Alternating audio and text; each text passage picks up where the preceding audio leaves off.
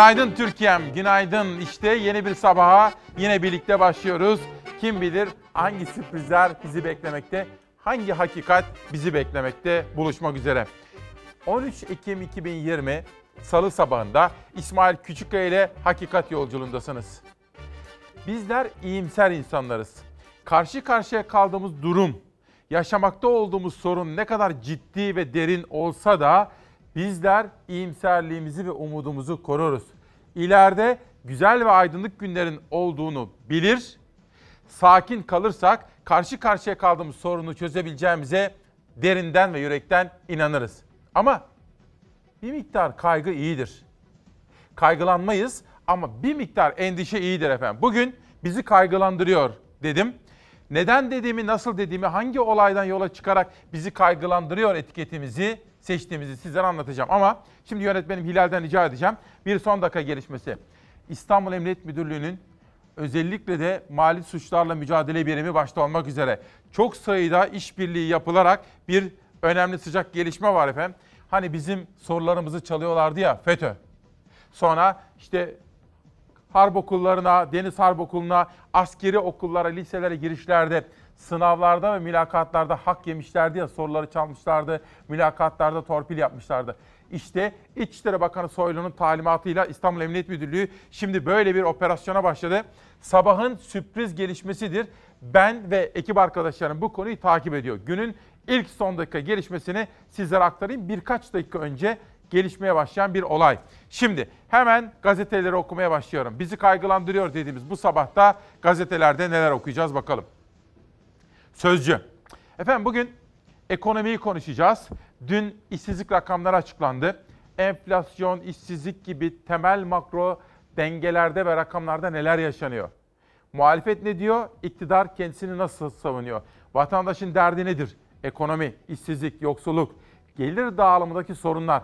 Bugün işte bu buluşmamızda çok farklı, çok özel dosyalarla bu konuyu gündeme taşıyacağım. Önce sözcü.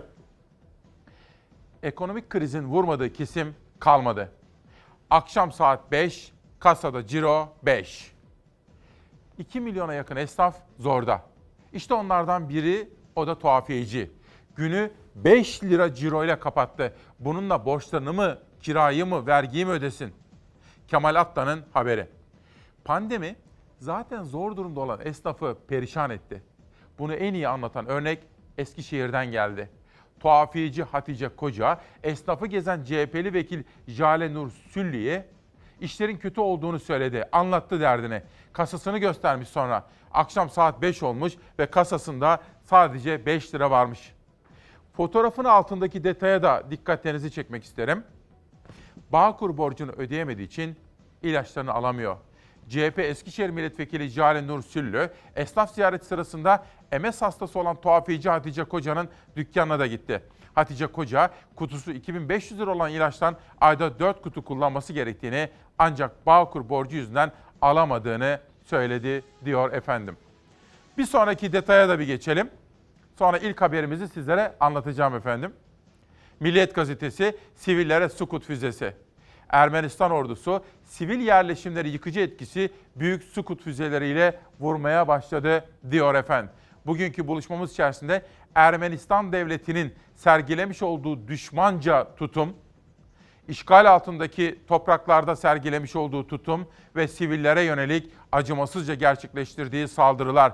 Bugün Azerbaycan'ın yanındayız ve Ermenistan'ın Ermenistan devletinin basiretsiz liderlerini de yine kınayacağız efendim. Bu konuda özel haberlerimiz olacak.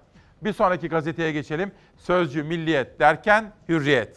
Bugün Doğu Akdeniz meselesi de yine gündemdeki yerini koruyacak sıcak bir konu. Türkiye önceki gece yeni bir Navtex yayınladı. Oruç Reis'in Kaş ile Meis'in güneyinde 10 gün süreyle araştırma yapacağını duyurdu diyor. Bu konuyu da dün sizlere son dakika gelişmesi olarak aktarmıştık. Bugün de yine takip listemizdeki yerini koruyacak.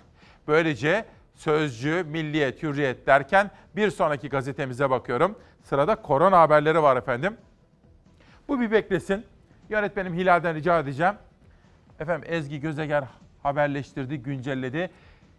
Bugünkü ana hikayemizi Covid'den yola çıkarak, pandemiye dair manşetlerden yola çıkarak manşet olarak atacağız. rakamlar ve gelişmeler bizi kaygılandırıyor. Ben eğer bunu söylüyorsam ne yapacağız efendim? Bizi kaygılandırıyor dedik ya. Ah vah demeyeceğiz. Ama o bir miktar kaygının bizi önlem almaya itmesi gerektiğini bileceğiz. Test sonucu pozitif çıkanların her biri bir vakadır. Her vaka hasta değildir. Temmuz ayında turkuaz tablodaki vaka tabirinin yerini hasta tabiri aldı. Türk Tabipleri Birliği geriye döndü. Bakanın açıkladığı testlerin pozitif çıkma oranı üzerinden bir hesap yaptı. O hesaba göre 350 binden fazla pozitif test sonucu topluma bildirilmedi.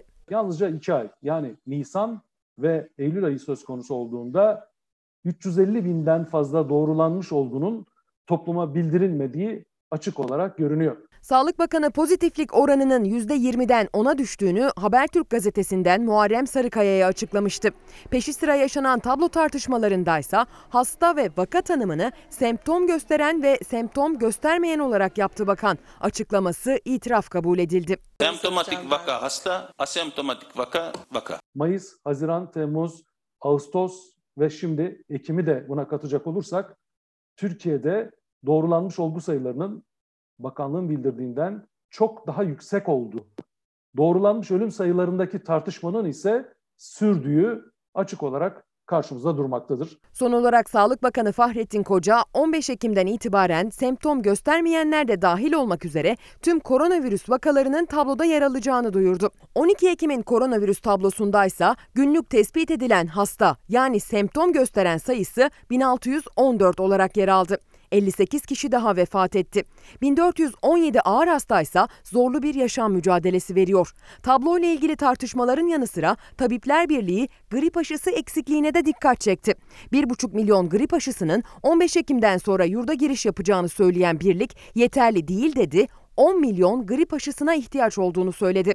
Türk Eczacılar Birliği de benzer bir endişesini dile getirdiği yazılı bir açıklama yaptı. Aşı henüz ülkemize gelmemesine rağmen aşıya olan talebin fazlalığı ve buna karşılık yeterli dozda aşının gelmeyecek olması bir sağlık meslek örgütü olarak bizleri kaygılandırmaktadır. Türkiye'nin bu süreci sorunsuz atlatabilmesi adına 10 milyon civarında aşıya ihtiyacı olduğu söylenebilir. Grip aşısının 65 yaş üzeri kronik hastalık sahibi gibi risk grubundaki kişilere öncelikli olarak vurulması gerekiyor. Eczacılar Birliği ise kaos yaşanabilir uyarısında bulundu, zaman daralıyor dedi. Birlik, belirsizliklerin bir an evvel giderilmesi, yaşanacak sorunların öngörülerek bir an evvel çözüme ulaştırılmasını talep etti. 13 Ekim 2020 Salı sabahında bizi kaygılandırıyor dedik. Sağlık ve eğitime dair gelişmeleri dikkatle takip ediyoruz. Ama tam sizlere günaydın demeye hazırlanırken, tam sizlerle buluşmak üzereyken bir son dakika gelişmesi geldi efendim. Çok önemli. Yönetmenim Hilal'den rica ediyorum son dakikayı basalım. Efendim İçişleri Bakanı Süleyman Soylu'nun talimatıyla ve İstanbul Emniyet Müdürü Zafer Aktaş'ın bizzat yönettiği bir operasyon şu anda başladı. Operasyonun konusu şu. FETÖ'nün özellikle askeri okullara giriş sınavlarında mülakatlar da dahil olmak üzere yapmış olduğu usulsüzlükler, soruları çalma vesaire, torpil mekanizması yani hak yedikleri döneme ilişkin büyük bir operasyon başlatıldı. Çok yeni, bilgiler de çok taze ama özel olarak bizlere gelen bilgileri de sizlere aktarmaya çalışacağım. An be an bu gelişmeyi takip edeceğim. FETÖ'nün soruları çaldığı askeri okul sınavlarının mülakat kısmına ilişkin torpil mekanizması nasıl işledi ve kimler sorumlu? Şu anda Zafer Aktaş'ın bizzat yönettiği operasyonla Türkiye'nin gündemine gelmeye başladı. Biz de en güncel sağlıklı bilgileri sizlere bu sabah aktaracağım. Günün sıcak ve flash gelişmesi işte buydu. Kararın manşeti. Türkiye'ye Putin vetosu. Dağlık Karabağ'daki çatışmada Türkiye'yi devre dışı bırakarak ateşkes masası kuran Putin'den ikinci hamle. Süreci bölgesel çıkarları ekseninde yönetmeyi planlayan Rusya, Azerbaycan'ın barış görüşmelerine Minsk üçlüsü ile birlikte Türkiye'de katılsın teklifini reddetti. Bu cümleyi bir kere daha okuyorum. Rusya, Azerbaycan'ın barış görüşmelerine Minsk üçlüsü ile birlikte Türkiye'de katılsın teklifini reddetti. Efendim görüyorsunuz. Hani dün sizlere söylemiştim. Dünyayı basiretli, akıllı, bilge liderler yönetse ne güzel olur. Oysa çağımızda hiç de böyle değil demiştim ya. Dünya barışı için ne kadar önemli bilemem. Takdiri size bırakacağım. Ama kendi ülkesinin çıkarlarını koruyor Putin ve şu anda o dünya küresel sistemde satranç tahtasını en iyi o kullanıyor. Her yerde o.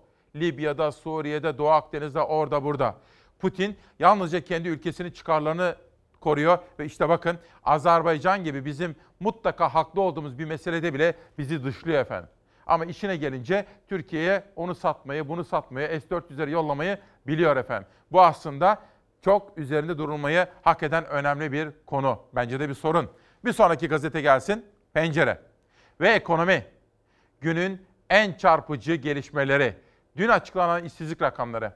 İşsizleri bir görsem şöyle. Kimler işsiz? Kimler iş arıyor?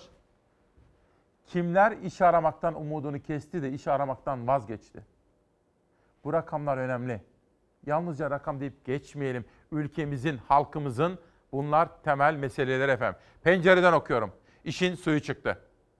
TÜİK'e göre Temmuz ayında da hem çalışan sayısı azaldı hem de işsizlik oranı. Temmuz ayında geçen yılın aynı ayına göre işsizlik 0,5 oranında düşmüştü ama iş bulma ümidini kaybeden 1 milyon 335 bin ve iş aramayan ancak işbaşı yapmaya hazır olan 2 milyon 866 bin kişi hesaba katılmadı diyor efendim. Bugün işte bu konudaki özel haberlerimizi, dosyalarımızı, iktidarın muhalefetin söylediklerini sizlere anlatacağım. Bir de dün sizlere demiştim ya, Kırıkkale'de, sonra İzmir'de kaçak içkiden dolayı hayatını kaybeden vatandaşlarımız vardı. Arkadaşlarım o konudaki gelişmeleri dikkatle takip ediyor. Zira kaçak içkiden yaşamını yitirenlerin sayısı her geçen gün artıyor.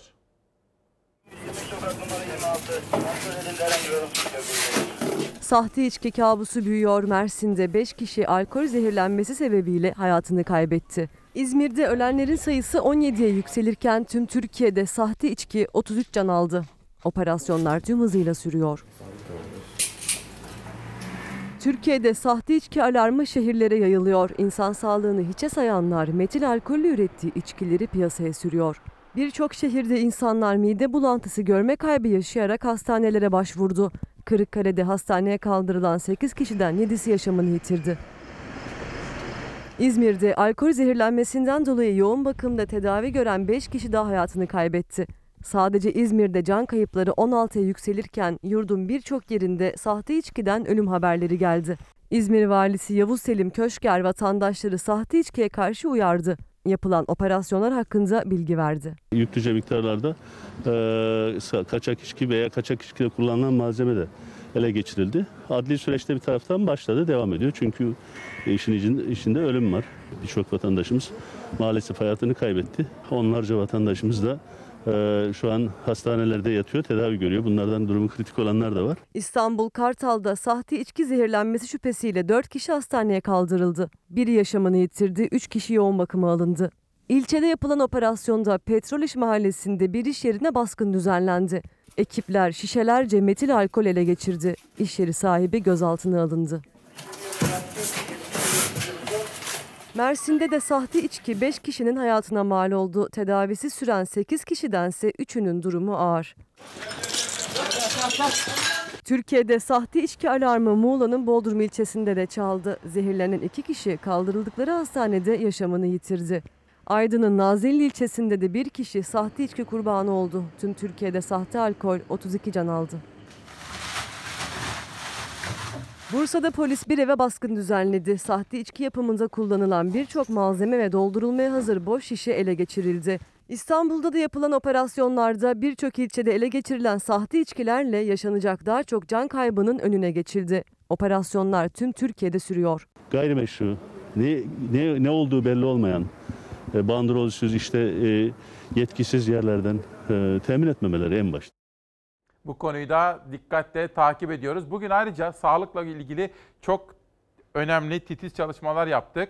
Manşetlerimiz var. Ayrıca bugün 13 Ekim Pıhtı Günü, Pıhtı Atma Günü. Sağlığımızla ilgili Ufuk hocamızı, Profesör Doktor Ufuk Demirkılıç'ı aradım. Bazı bilgiler aldım. Çünkü son zamanlarda sıklıkla başımıza gelen, etrafımızdan duyduğumuz önemli sağlık sorunlarından birisi de bu. Farkındalık oluşturmamız gerekiyor. İlerleyen dakikalarda onu da anlatacağım. Keza eğitime dair bilim insanlarından gelen uyarıları da sizlere mesela Esin Şenol Hoca'nın kaygı ve o kaygıdan yola çıkarak dile getirdiği önerileri var. Onları da size anlatmaya çalışacağım. Pencereden bir detay daha okumak istiyorum. HDP'ye içeriden eleştiri. Görevden alınıp cezaevine konulan eski Kars Belediye Başkanı Ayhan Bilgen, HDP tersine Türkiye'lileşme yaşıyor başlıklı bir açıklama yaptı. Partinin sıkışmışlıktan kurtulmak için yeni siyaset üretememesini eleştirdi. Siyaset yolculuğunda istenilen mesafenin kat edilemediğini vurguladı. Sözlerinin içerisinde şöyle bir baktığınız zaman avukatları aracılığıyla kamuoyuyla paylaşıyor. HDP'ye yönelik eleştiriler ve öz eleştiriler de var. Türkiye'nin partisi olma konusunda çok önemli adımlar atılabileceğini, fırsatlar olduğunu ama bu fırsatların heba edildiğini söylüyor ve içeriden bir eleştiri yöneltiyor Ayhan Bilgen. Yani diyor ki başka yerlere bakmayalım, halka ve siyasete bakalım diyor. Önemli açıklamalar. Ben size ilerleyen dakikalarda biraz daha detaylandıracağım Ayhan Bilgen'in HDP'ye yönelik eleştirilerini. Sırada bir gün var. Algı oyunları. Bir soru soracağım, pardon. Algı ne demek efendim algı? Algı oyunu dedikleri zaman şu. Şimdi bir gerçeklik var. Gerçeklik. Mesela enflasyon, mesela işsizlik. Bir de bunu size nasıl sundukları önemli. Yani allayıp, bullayıp, işte paketleyip size sundukları bir çeşit illüzyon. Yani gerçeği olduğu gibi görmektense onu sizin nasıl görmenizi istediklerine göre bir paketleme diyebilirim kısaca. Var mı yok mu ne dersiniz? Algı operasyonları. Okuyalım. Pandemi, enflasyon, işsizlik. Ülkenin karanlık tablosu sahte rakamların arkasına itiliyor. TÜİK bu sefer de umudunu kestiği için iş aramaktan vazgeçen 1 milyonu aşkın kişiyi tablonun dışında tutarak işsizliğin azaldığını müjdeledi. Gerçekten işsizlik azaldı mı acaba? Önemli bir soru. Okuyalım. Bir günden okuyorum. TÜİK, Temmuz ayı iş gücü istatistiklerine göre dar işsizlik oranı 0,5 puan azalarak %13.4 seviyesinde gerçekleşti. Aynı kurumun diğer verisi ise iş aramaktan vazgeçenlere dair. Umudu olmadığı için iş aramayan, bu nedenle de TÜİK'e göre işsiz olmayanların sayısı bir yıl içerisinde 614 binden 1 milyon 335 bine çıktı. Sağlık Bakanlığı pandemiyle mücadelede başarı reçetesini kalem oyununda buldu. Türkiye içinde ve dışında pandemiyle mücadele algısını daha iyi yönetmek için hızla artan vaka sayılarını açıklamak yerine sadece hastanede tedavi edilenleri kamuoyu ile paylaşmayı doğru bulmuş. Böylece vakaların %90'ı kendiliğinden yok oldu. 3. Yurttaşın temel gider kalemleri ısınma, aydınlatma, barınma, ulaşım, eğitim ve gıda enflasyonu devletin resmi rakamlarına göre %30'lara dayanmış durumda. Bu rakamlar enflasyon sepetinde kendine yer bulamadı. Devletin enflasyonu %10'larda kaldı. Yurttaşın enflasyonu ile TÜİK rakamları arasında makas her geçen gün açılıyor diyor efendim. Ne dersiniz? Gerçeklik ne? Yani sizin yaşadığınız durum ne ve algı ne? Yani sizde buna ilişkin oluşan mefhum ne? Bu aslında üzerinde durulmayı son derece hak eden önemli bir husus. Siz bakacaksınız yaşadığınıza, cebinize, cüzdanınıza, mutfağınıza, pencereye, çoluğunuzun, çocuğunuzun yaşam standartına siz bakacaksınız. Bir manşet daha gelsin. Sırada Sabah gazetesi var. 16 yıllık cinayet mektupla çözüldü. 2004'te 16 yaşındayken vahşice öldürülen Arzu Tuncel cinayetinde savcıya şok ihbar mektubu. İki ağabey tarafından töre için katledildi. Dilek Yaman'ın manşeti. İstanbul Arnavutköy'de 5 Şubat 2004 sabahı bir ceset bulundu. İşkenceyle öldürülmüştü. Adı Arzu Tuncel'di ve Bingöl'ü bir ailenin güzeller güzeli kızıydı. Nişanlıydı. Bakire değil dedikodusu çıkınca o sabah rapor almak için doktora gidecekti ama gidemedi. Otopside Arzu'nun bakire olduğu ortaya çıktı ama katiller sır olarak kaldı. Ta ki 16 yıl sonra savcıya Arzu'yu iki abiyi töre için öldürdüğü ihbarı gelene kadar. Dosya raftan indi, dava açıldı. Ağabeyler Şener ve Yemlihan Tuncel için ağır müebbet isteniyor diyor efendim. Diplomasiye de bakmak istiyoruz. Hani bizler diplomasiye, sözün gücüne, masaya, müzakereye inanıyoruz değil mi? Savaşı istemiyoruz. Çünkü savaşı kimler çıkarır? Söyleyin bana. Peki savaştan kimler kazanır? Peki savaştan kimler olumsuz etkilenir? Bu soruları da sabah sabah düşünmemiz gerekiyor efendim. Diplomasiye tanı, zaman tanımak ve diplomasiye şans tanımak en önemli öncelik olmalı efendim. Cumhurbaşkanı Erdoğan Avrupa Birliği Konseyi Başkanı ile görüştü. Avrupa Birliği'ne Doğu Akdeniz için somut adımlar atın çağrısı yaptı. Azerbaycan'ın toprak bütünlüğü konusunda da Avrupa'yı tutarlı duruş göstermeye davet etti. Doğu Akdeniz'de tansiyon yeniden yükselmeye başladı. Öte yandan Azerbaycan'ın Ermenistan'ın işgali altındaki topraklarını kurtarmak için başlattığı operasyon dikkatleri Türkiye ve çevresine çevirdi. Kritik süreçte Cumhurbaşkanı Recep Tayyip Erdoğan, Avrupa Birliği Konseyi Başkanı Charles Michel'le telefonda görüştü. Charles Michel'le yaptığı görüşmede Erdoğan önce Türkiye-Avrupa Birliği ilişkilerini ele aldı. Avrupa Birliği'nin 18 Mart mutabakatı kapsamındaki yükümlülüklerini yerine getirmesi, gümrük birliği ve vize serbestisi konusunda adımlar atması gerektiğini ifade etti. Doğu Akdeniz'de gerginliği tırmandıran tarafın Yunanistan olduğunu vurguladı Erdoğan görüşmede. Türkiye'nin iyi niyetli bir yaklaşıma sahip olduğunu belirtti ve Ankara'nın önerdiği Doğu Akdeniz Konferansı'nın gerçekleştirebilmesi için Avrupa Birliği'nin somut adımlar atması gerektiğini anlattı. Doğu Akdeniz'de çözümün yolu diyalog ve müzakeredir. Sağduyu ve aklı selimle hareket edilirse kazan kazan temelli bir formül bulunabilir. Azerbaycan'ın topraklarını işgalden kurtarmak için başlattığı operasyon da gündeme geldi görüşmede. Erdoğan, Mişel'e Ermenistan'ın doğal gaz ve petrol boru hatlarını hedef aldığını hatırlattı. Bunun Avrupa'nın enerji güvenliğini de tehlikeye attığını belirtti. Avrupa Birliği'ne Azerbaycan'ın toprak bütünlüğü konusunda tutarlı bir duruş ortaya koyma çağrısında bulundu. Bu konuyu da gündemde tutmaya devam edeceğiz. Fakat bana yönelik bir eleştiri var. Bu eleştiri haklı olabilir. Daha sonra bakacağım ama eleştiren kişi Necla Zarakol önemli bir isimdir. Günaydın sevgili İsmail. Haberde sahte içki deniyor ama sen kaçak içki tabirini kullandın. İki kavram çok iyi bilirsin ki çok farklıdır diyor. Evet efendim. Sahte içki. Ama kaçak da diyebiliriz aslında. Yani yurt dışından kaçak getirilen içki anlamında değil. Kaçak yollarla yapılmış. Gerekli izinlere vesaire alınmadan o devletin verdiği müsaadeler çerçevesinde değil. Ama kavramsallaştırma konusundaki itiraza katılıyorum. Yapılan sahte içkidir diyelim ve Cumhuriyet'e geçelim. Necla ablaya da teşekkür ediyorum uyarısı için. İş, ekmek, umut yok. Az önce Sabah gazetesinde bir hayata dair manşeti okumuştum. Sırada ekonomiye dair bir manşet için Cumhuriyet gazetesi var. Un fiyatları %32, ekmek %20 zamlandı. İşsizler 10 milyonu, umutsuzlar 5 milyon aştı.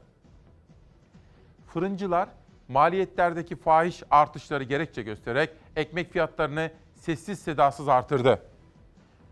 İstanbul'da ekmeğe %20 zam geldi. 200 gram ekmek 1 lira 50 kuruşa, 240 gram ekmek de 1 lira 75 kuruşa çıktı. Maliyet artışına dayanamayıp cezaları göze alan 6 ilçedeki bazı fırıncılar ise ekmeği 2 liradan satıyor. TÜİK'e göre 15 ve daha yukarı yaştaki işsiz sayısı geçen yılın aynı dönemine göre 369 bin kişi azaldı. 4 milyon 227 bin kişi oldu. Diskar'ın, İLO'nun yani Uluslararası Çalışma Örgütü'nün yöntemini esas alarak yaptığı hesaplamaya göre geniş tanımlı işsiz sayısı 2.4 milyon arttı, 9.8 milyona yükseldi. Bu rakam da bakın önemli. Bugün Türkiye'de yaklaşık 10 milyon işsiz var efendim resmi rakamlara göre. Diskar'ın da yaptığı çalışma bunu gösteriyor bakın. Sizler TÜİK'in yaptığı rakamlara, Diskar'a ve hayattaki gerçekliklere bakarak kendi yaşadıklarınızı değerlendirmeniz gerekiyor efendim.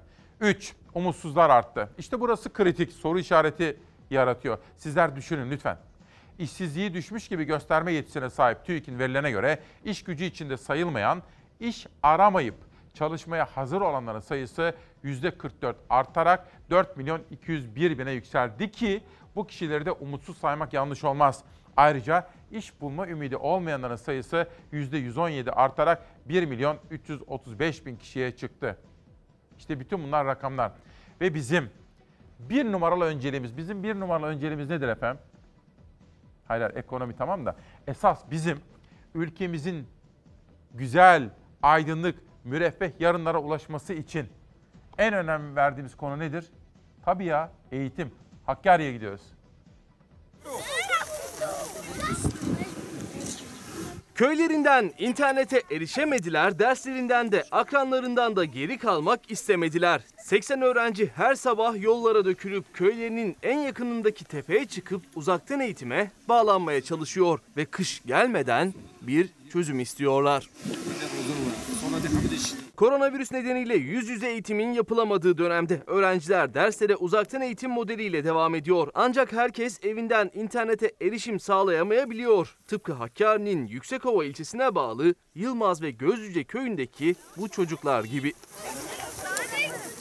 Köylerinin adı gibi köydeki öğrenciler de yılmıyor. 80 öğrenci her gün internete yani derslerine erişebilmek için yollara dökülüyor. Köyün yanında bulunan yüksek rakımlı tepeye çıkıyorlar. Öğrencilerimiz her gün bu zorluklar içerisinde her gün bu tepeye geliyorlar. Sırf EVA sistemine giriş yapabilmek için. Çocuklar derslerine açık havada ve sosyal mesafe kurallarına uyarak bağlanıyor. Şimdi nasıl buraya gelecekler? Gelemezler yani mümkün değil. Çünkü burası, burası dağdır. E, kar çok yağıyor. E, havalar soğuk. Yani rüzgar biraz buranın rüzgarları sert. Şimdilik hava sıcaklığı ile ilgili sorunları yok ama kışın yaklaşmasıyla artık kaygılanmaya başlıyorlar. Çünkü sert geçen kış aylarında açık havada ders yapmaları çok ama çok zor. Hakkari Yüksekova, Yılmaz köyündeki çocuklar bir an önce yetkililerden kendilerine destek bekliyorlar. Bu çocuklar e, ülkenin gelecekleri çocuklarıdır. Her kim mesela bu çocuklar bazıları e, üniversite hazırlanan çocuklar da var. İblis e, üniversiteye girmek üzereler. Yani derdimiz budur. Efendim bu arada şu bilgiyi de vereyim. Danışmanım bana bilgi gönderiyor. Yeni, yeni bir gelişme o da. Kamu ihale kanunu 191. kez değiştiriliyor. Hani size geçen hafta sormuştum. Sizce AK Parti iktidarı döneminde kamu ihale kanunu kaç kere değişmiştir diye. Bu neden önemli biliyor musunuz? Bakın kamu ihale kanunu yani devletimizin bizlerin vergileriyle oluşturduğu bütçenin nerelere harcandığını, hangi projelere dönük ihalelerin nasıl yapıldığını denetleyen, varsa bir yanlış onu önleyen kurum bu. Kamu ihale kanunu, kamu ihale kurulu 191. kez değiştiriliyor. Burada siz düşünen insanlar olarak sorgulamalısınız. Neden? Kamu ihale kanunu neden 191 kez değiştirilebilir? Çok önemli bir soru. Cumhuriyet'te bir detay daha var mı? Yok. Şimdi Kayseri'ye geçiyorum. Üreticiyi bitirecek. Her sabah olduğu gibi bu sabahta İsmail Küçükkaya ile Demokrasi Meydanı'nda yerel gazetelere bakacağım. Bu kuşakta Kayseri var. İktidar üreticiyi bitirecek diyor. CHP milletvekili Çetin Arık, Ulusal Süt Konseyi'nin süt fiyatlarına zam yapmamasına tepki gösterdi. Türkiye'de iğneden ipliğe her şeye zam geldiğini belirten Arık, dünya çiftçilerine destek üstüne destek veren yerli ve milli iktidarımız Türk üreticisini tüketmek için de her şeyi yapıyor. Görülen o ki yerli ve milli iktidarımız yerli üreticiyi bitirmeye kararlı diyor efendim. Bugün de yine tarım ve üretici konusunda haberler var. Nitekim ilerleyen dakikalarda sizlere de özellikle tarım ve üretici konusunda pancar konusunda manşetler aktaracağım efendim. Sırada Azerbaycan konusu var. En güncel bilgilerle Ermenistan devletinin sergilediği işgalci ve saldırgan tutuma dair haberler. Sabah gazetesi bakın ne diyor? Gence'deki füzeli katliamdan şans eseri kurtulan Azerbaycanlılardan Ermenistan'a, Ermenistan devletine öfke. İzliyoruz efendim. Ermenistan'ın sivillere hedef alan saldırıları ateşkese rağmen devam etti. Azerbaycan ordusu saldırılara misliyle yanıt verdi. Sınırdaki hareketlilik gece boyunca sürdü. Ermenistan gerçekten her zaman son derece saldırgan, insanlık suçu işliyor, savaş suçu işliyor ve bunu da artık alışkanlık haline getirmiş bulunuyor. Dolayısıyla biz iki devlet, bir millet olmanın gereğini her zaman yerine getirdik, getirmeye devam ediyoruz. Türkiye e, bu problemin çözülməsində olmalıdır və zaten var. 10 Ekim'de Rusya'nın çağrısıyla imzalanan ateşkes bile Ermenistan'ı durdurmadı. Ateşkesten sadece saatler sonra Gence'ye düzenlediği saldırıyla 9 sivili katletti. Saldırının orta menzilli balistik füze Elbrus'la yapıldığı ortaya çıktı. Tüm cephe boyu durum gergin kaldı. Ermenistan ordusu kaybettikleri mevzileri geri almak için küçük gruplar halinde defalarca Azerbaycan birliklerine saldırı girişiminde bulundu. Azerbaycan ordusu bu saldırılara sert yanıt verdi. Savunma Bakanlığı çok sayıda Ermeni askerinin öldürüldüğünü, kalanlarınsa mevzileri terk ederek kaçtıklarını duyurdu. Üç insansız hava aracı da etkisiz hale getirildi. Milli Savunma Bakanı Hulusi Akar, Kara Harp Okulu açılış töreninde Ermenistan'ın Gence'de insanlık suçu işlediğini vurguladı. Çünkü bunlara sağlanan destek gerçekten bunları son derece şımartmış vaziyette. Bunlar ne uluslararası hukuka saygıları var ne insani değerlere saygıları var. Azerbaycan Cumhurbaşkanı İlham Aliyev ise Haber Global televizyonuna konuk oldu. Türkiye sürece dahil olmalı dedi. Hangi mesele bu bizim bölgemizde Türkiye'siz çözüldü? Bakın Suriye'de, Libya'da Türkiye mütlak e, bu problemin çözülmesinde olmalıdır ve zaten var. Ermenistan'ın vurduğu Gence'de ise saldırıda hayatını kaybedenler anıldı gözyaşlarıyla.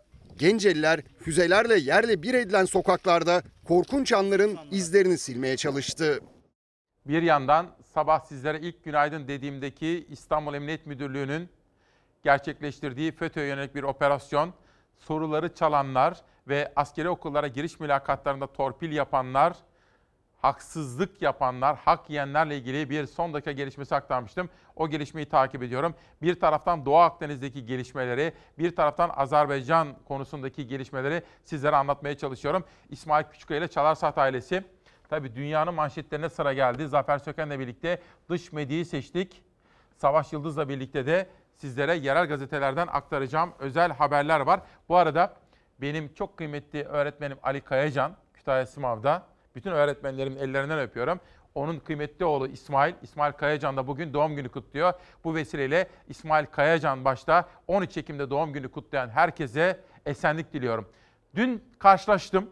Dilan Hanım, onun kıymetli annesi Vildan Hanım da her sabah diyalize giriyormuş 13 yıldır makinede ama her sabah diyalize girdiği zaman televizyonu açıyormuş. Fox'u çalar saati izleyerek moral buluyormuş. Bu sabah da Vildan Hanım'ın şahsında bütün hastalarımızı geçmişler olsun dileklerimle selamlıyorum. İşte dünyanın manşetleri. The Guardian'ın haberi. Rakamlar ciddi. Covid-19'a ilişkin gelişmeler kaygı verici ve insanlar ve toplumlar bu konuda gerekenleri yapmalı. İngiltere'de işte bunu tartışıyor ve kategori kategori artık yükselmeye başladı rakamlar.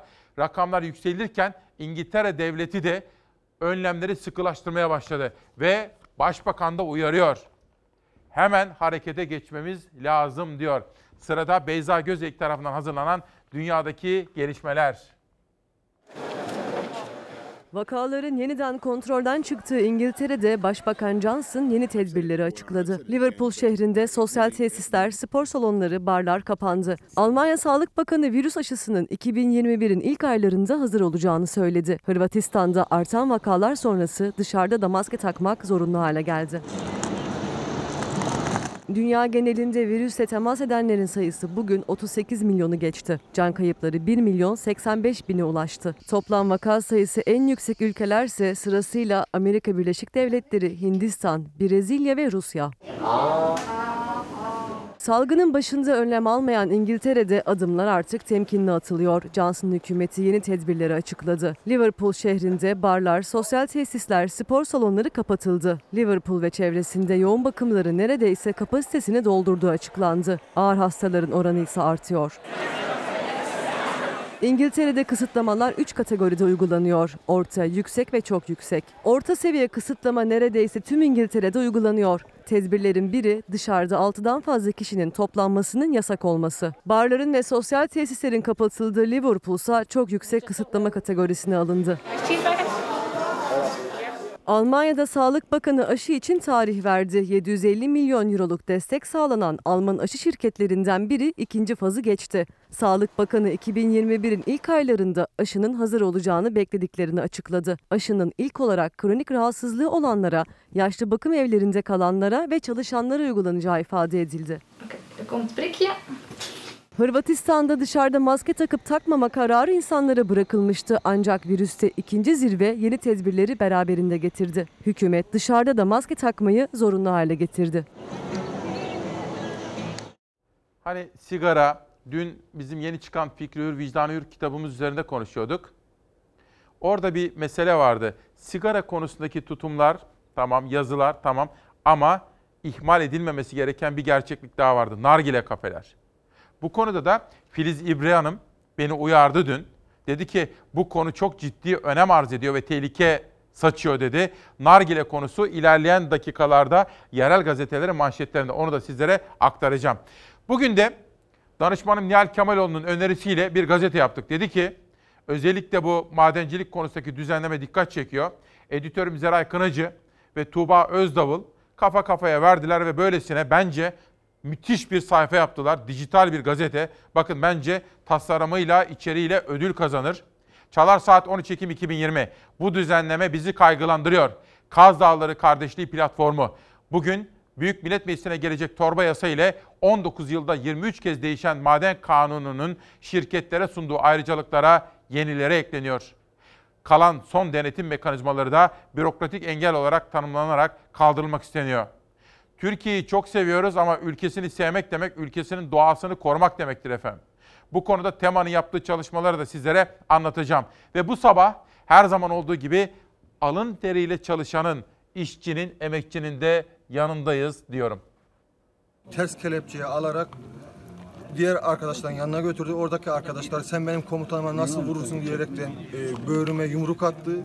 Daha sonra araca bindirdi beni e, ters kelepçe halinde böyle sırtımda çanta varken çantayı bari çıkarayım diyorum olmaz diyor. Eylem yapan maden işçisinin iddiaları düşündürdü. Jandarmanın biber gazıyla müdahale ettiği ve Ankara'ya yapmak istedikleri yürüyüşlerine izin vermediği madencilerden biri işçi Mesut Öner.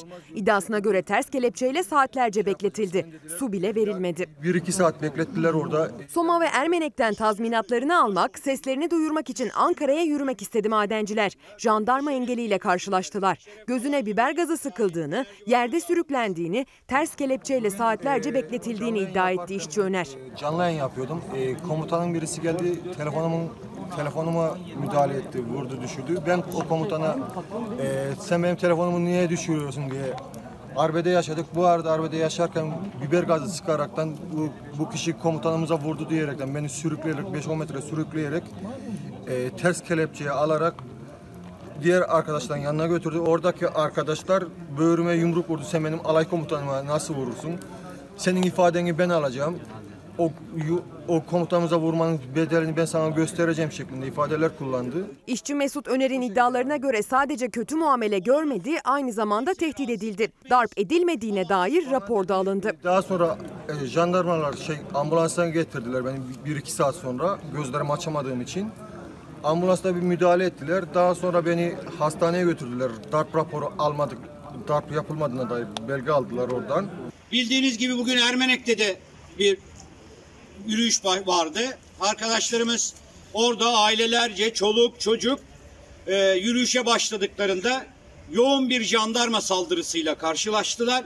Hamile kadınlar, çocuklar gaza boğuldular. Plastik mermiler kullanıldı ve bazı arkadaşlarımız hastaneye kaldırıldı. Soma'da da Ermenek'te de yürüyüşüne izin verilmeyen madenciler kamp kurdu, geceyi kampta geçirdi. Enerji Bakanlığı ile görüşmek isteyen madenciler sonuç alana kadar eylemlerine devam edeceklerini duyurdu. Biz burada kalmaya devam edeceğiz arkadaşlar. Yani bir yere gitmiyoruz, geriye dönmüyoruz. Ee, yarın yolu açarsa emniyet güçleri yolumuza devam edeceğiz.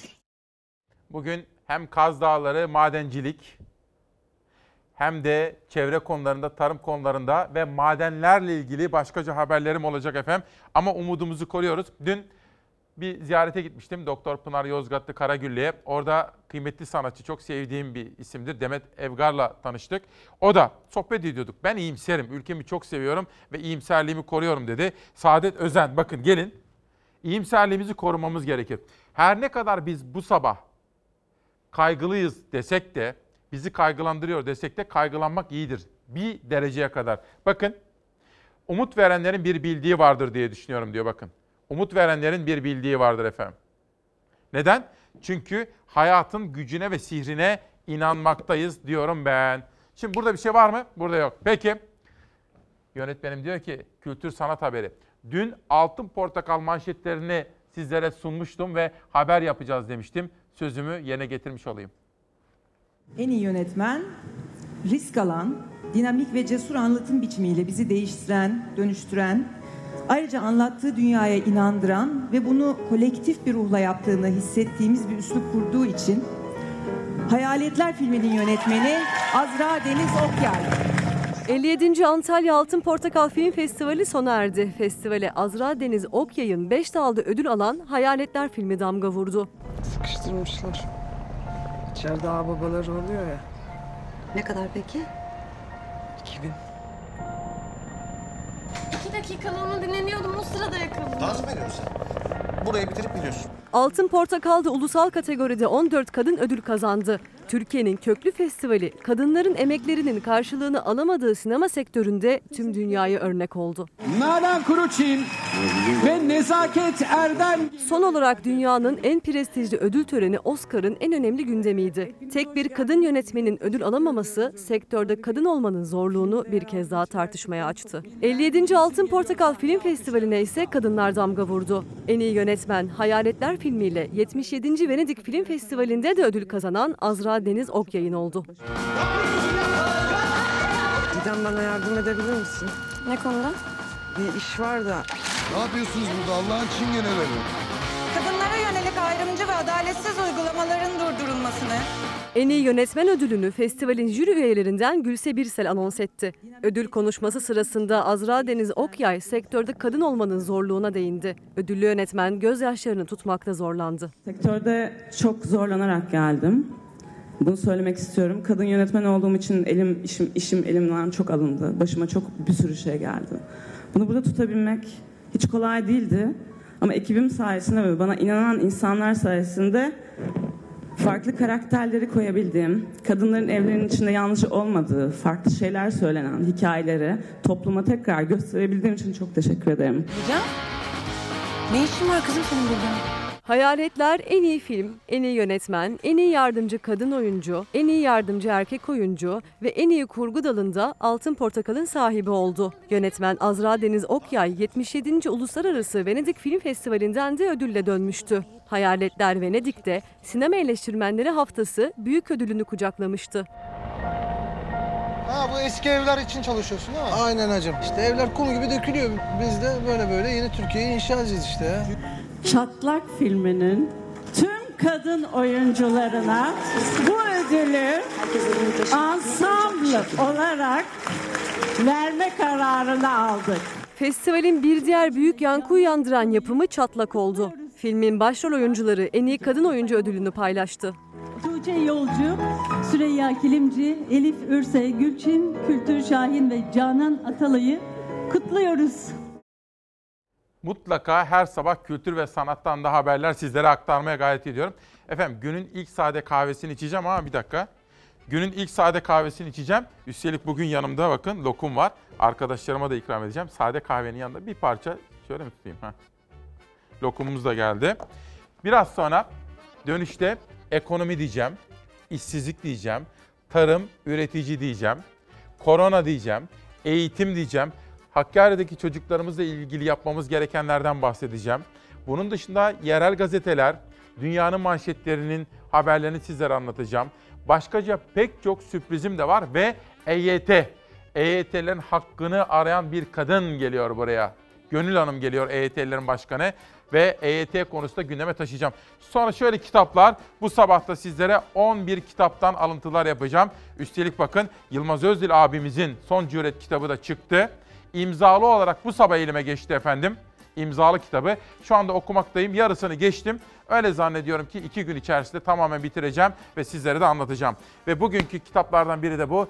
Lami Yağcılarlıoğlu Tanrı'nın Cezası kitabıyla bu sabah Çalar Saat'te. Sade kahve için mola. Günaydın efendim, hoş geldiniz. 13 Ekim 2020 Salı sabahında İsmail Küçükkaya ile Demokrasi Meydanı'ndasınız. İlerideki güzel, aydınlık, mavi günlere bir yolculuk yapıyoruz hep beraber. Ve temel dayanağımız gerçekler, hakikat. Bizi kaygılandırıyor. Etiket nereden çıktı? Gelişmeler bizi kaygılandırıyor. Biz, biz Çalar Saat ailesi iyimseriz, umutluyuz. Mücadele edersek, dayanışma içerisinde olursak bu zorlu günleri aşacağız. Buna inanıyoruz. Ama bir miktar kaygı iyidir. Bir miktar kaygı sizi ve beni, bireyleri ve toplumu ayakta tutar, tedbir almaya iter efendim. Bugün ekonomi diyoruz, enflasyon diyoruz, işsizlik rakamları maalesef çok parlak değil. Ve ekmeğe İstanbul'da %20 zam geldi maalesef. Hayat pahalılığı maalesef iyi değil. Olumlu ve olumsuz bütün gelişmeleri sizlere aktaracağım. İktidar ve muhalefetin bütün yansımalarını sizlerle paylaşma imkanı bulacağım. Koronaya ilişkin Türkiye ve dünyadan en sıcak, en güncel bilgileri de sizlere anlatacağım. Sizlere bu sabah ilk günaydın dedikten hemen sonra bir sıcak gelişmeden bahsetmiştim. Bir son dakika gelişmesiydi. Sabahın flash olayıydı. İstanbul Emniyet Müdürlüğü'nün bizzat İstanbul Emniyet Müdürlüğü'nün başında olduğu bir operasyon yürüttüğünden ve esas talimat İçişleri Bakanı Soylu'nun verdiğinden bahsetmiştim.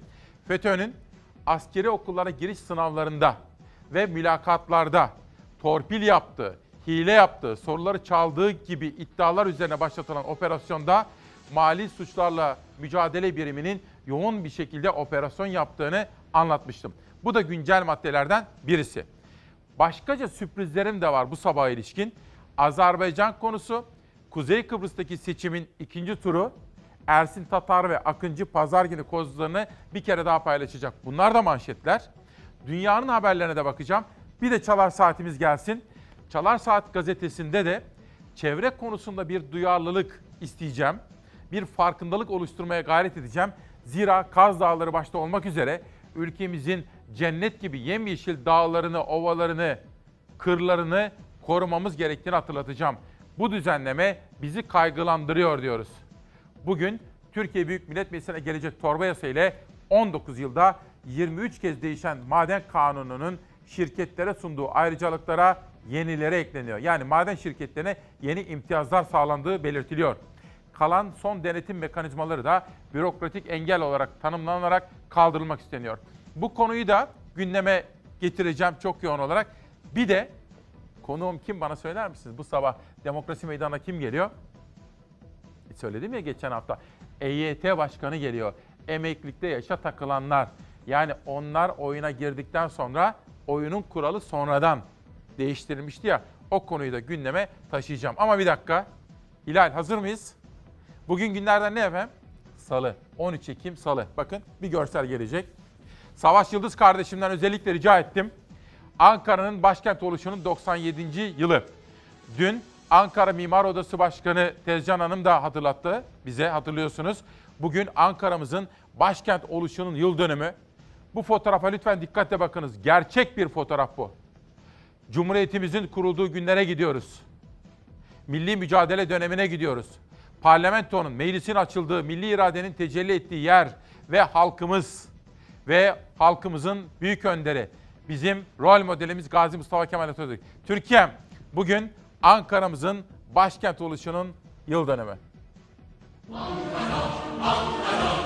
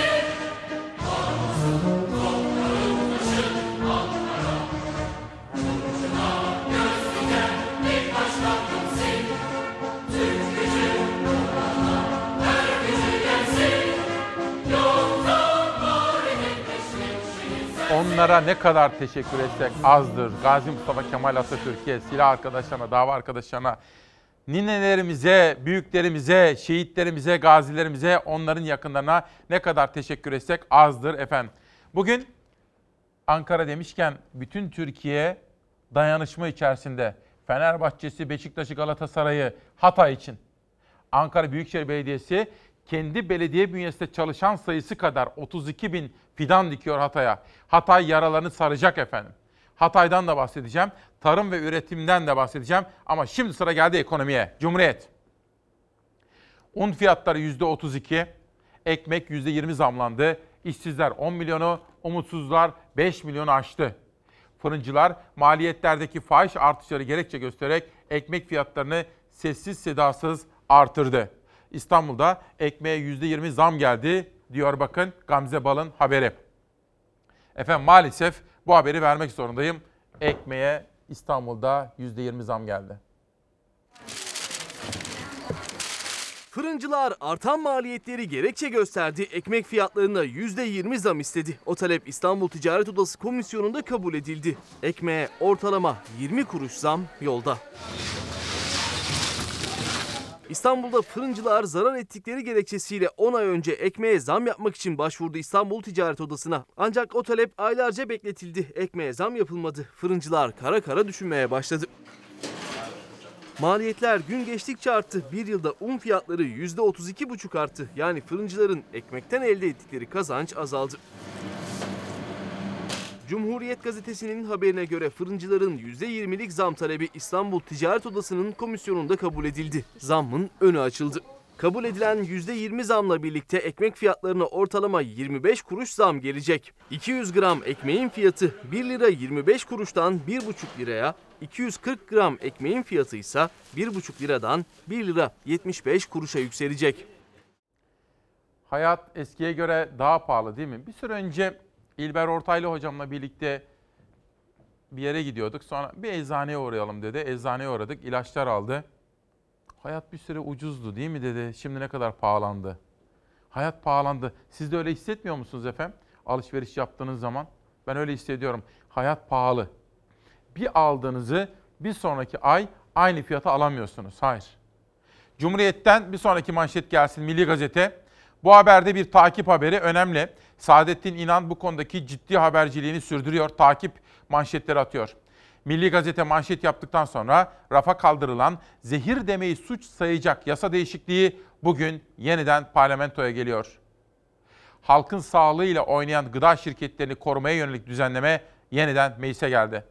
Meclis kapanmadan önce sessiz sedasız getirilen ancak kamuoyundan gelen tepkiler üzerine geri çekilen gıda şirketlerini koruyan madde aynen tekrar getirildi. Zehir saçan gıdalar hakkında konuşmak dahi suç olacak.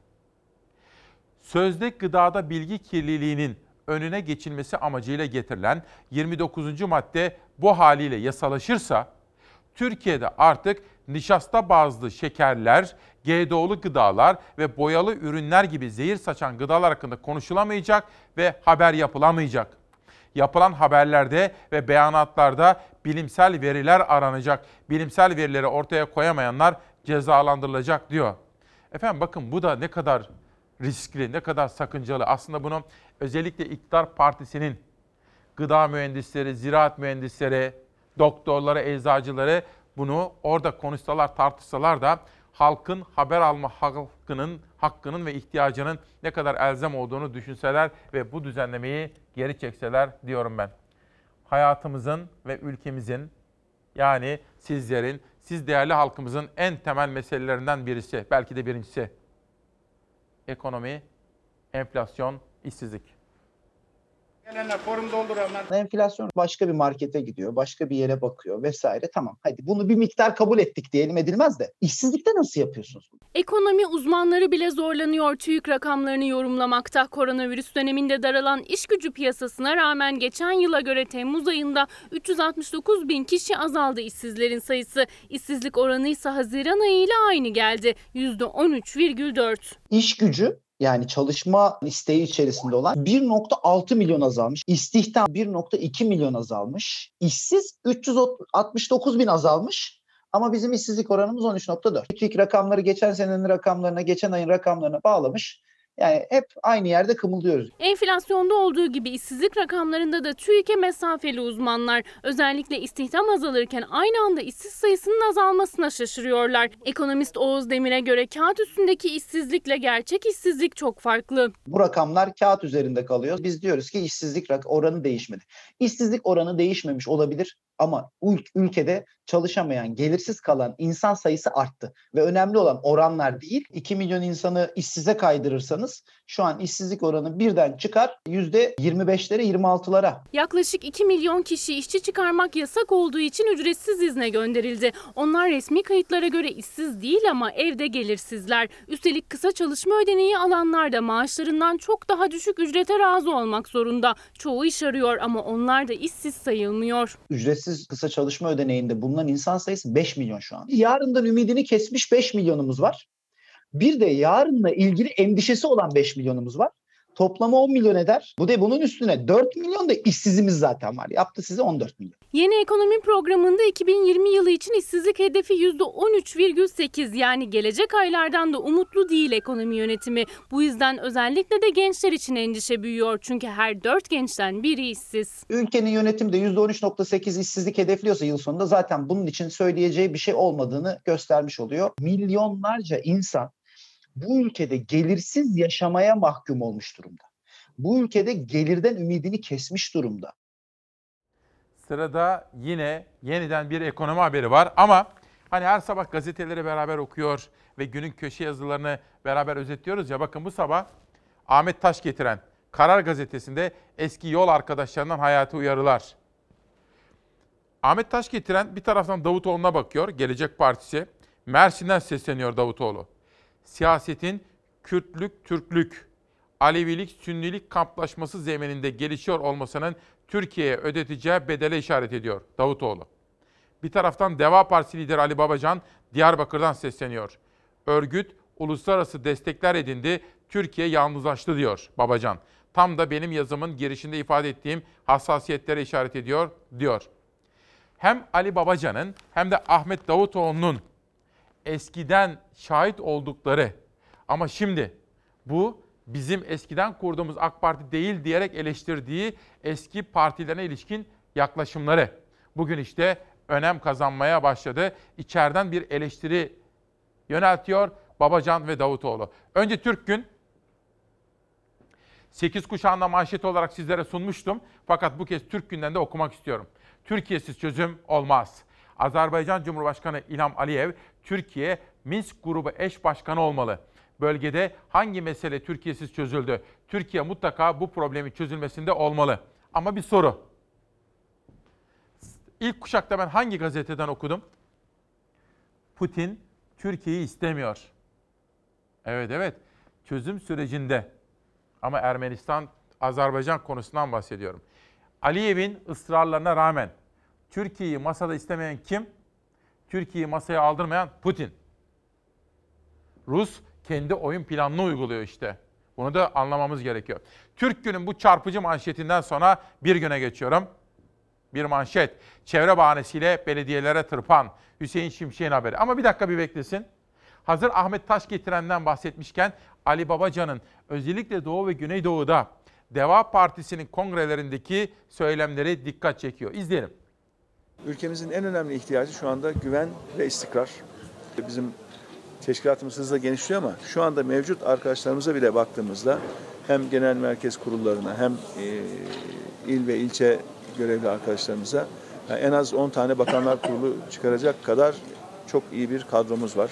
Artık e, önümüzdeki dönemde e, Türkiye'nin muhtemelen yapacağı bir e, erken seçime en kısa zamanda hazır olmak istiyoruz. 2023'ün Haziran ayına kadar sistemin dayanmasını açıkçası zor görüyoruz. Yani ekonomik ve finansal altyapı çok örselendi. Ee, devletin bütün cepleri şu anda boşalmış durumda. Şu anda öyle bir iklimdeyiz ki maalesef hak ihlallerinin çok olduğu bir iklimdeyiz. Bu iklimde maalesef böyle bir şey duyulduğu anda insanlar bunu buna inanmaya ve bunu böyle kabul etmeye eğilimli.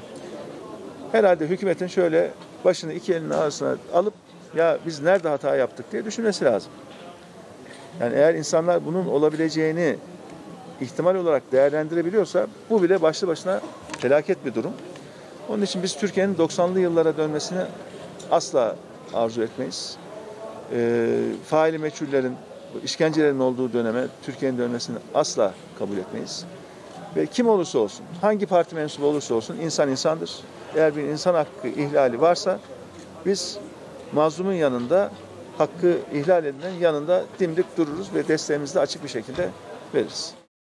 Ekonomiye devam edeceğim. Ekonomi manşetleri önemli bir işsizlik haberi. Ama ne diyorduk efendim? Dayanışma.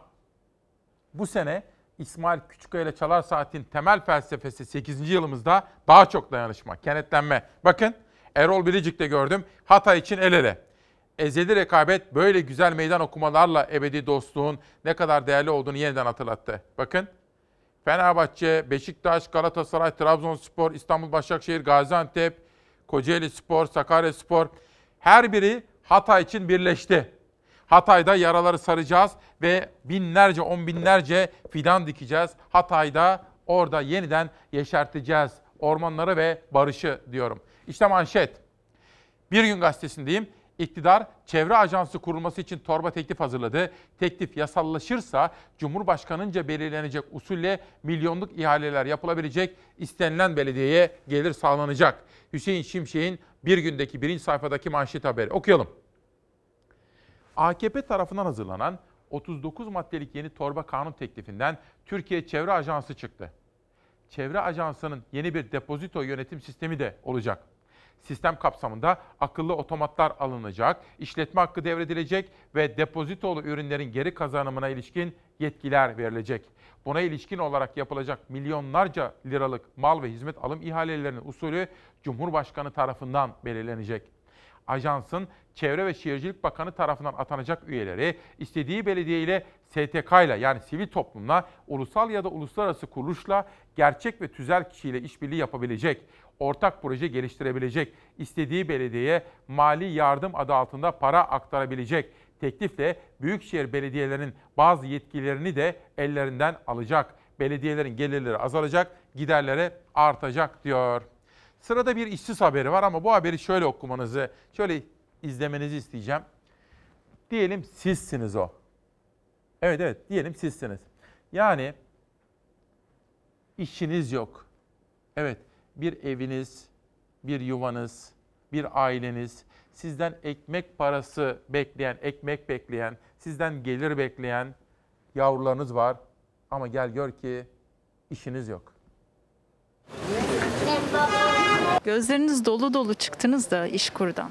Benim yerine kendinizi koyun. Çıkış kapısı bulabiliyor musunuz kendinize? Çıkış kapısı görmüyorum. Bulma şansım da yok. Yoktan, yokluktan başka kelime zor buluyor. İşsizliğin ağırlığıyla dolu dolu gözleri Nahit Sural'ın Ocak ayından beri işsiz. Tek geliri işsizlik maaşıydı. Onun da süresi sona erdi. Elinde kalan son parasıyla son bir umutla çaldı işkurun kapısını. Şimdi cebinizde hiç paranız var mı? Cebimdeki olan para en son iki buçuk lira işte. Mahmut Bey'e gideceğim. Yanına tükenen umudunu ve kalan son birkaç lirasını alıp iş aramaya çıktı Nait Sural. 56 yaşında emekli olamıyor. İşsizlik maaşıyla geçinmeye çalışıyordu. Bitti. İş için çaldığı bütün kapılar yüzüne kapandı. Kredi borcu, faturalar, geçindirmesi gereken ailesi Nahit Sural'ın iş bulmasını bekliyor. Şu anda gelirim sıfır. Evin geçimini nasıl sağlayacağım? Şu anda onun hesabını yapıyorum. Mutfak ne durumda? Berbat. Faturalar? Fatura mı ödenir şimdi? Neyinin? Ondan faturayı ödüyorduk. Evde kısıtlıya kısıtlıya fatura ödüyorduk işte.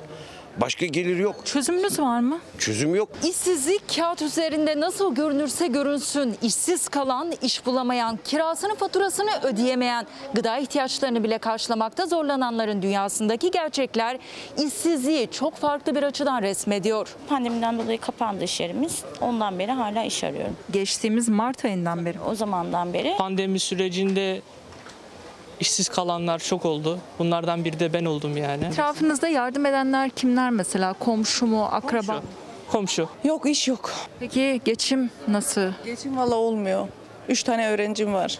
Yapamıyoruz. Evde başka çalışan var mı? Yok. Bankaya borcum var. Ev kredisi de var. Normal kredi de çektim bu dönemde. Faturaları da ödeyemiyorum. Yüz binlerce işsiz, aynı zamanda çaresiz. Tek destekçileri, akrabaları, komşuları. Aksini düşünmek bile onlar için felaket. Akrabalardan kimisi maddi olarak getirip veriyor. Bir daha getiren ayarlıyor. Var. Aileniz olmasaydı? Ya öyle olmasaydı felaket olurdu. Hissettiniz değil mi efendim? Siz eğer o olsanız, o kişi olsanız ne yapardınız diye. Bu arada Hüseyin Yayman hocam bana Hıncalı Uluç'un bugünkü yazısından bahsediyor. Hatay, 50 yıl sonra kuşlar Hatay'a döndü. Hıncalı Uluç'un bugünkü yazısını anlatıyor. Sırada bir tarım haberi, bir üretici haberi var efendim, bir pancar haberi. Hepinizin ilgisini çekecek. O ha- haber hazır. Bu arada Işın Çelebi, Dünyanın Şu Haline Bak isimli kitabını yazmış, yollamış Işın Çelebi. Eski bakanlardan ve hocamız. Bugün 13 Ekim ya bakın Mansur Yavaş da ne yapmış? Gazi Mustafa Kemal Paşam diyor. Bugün.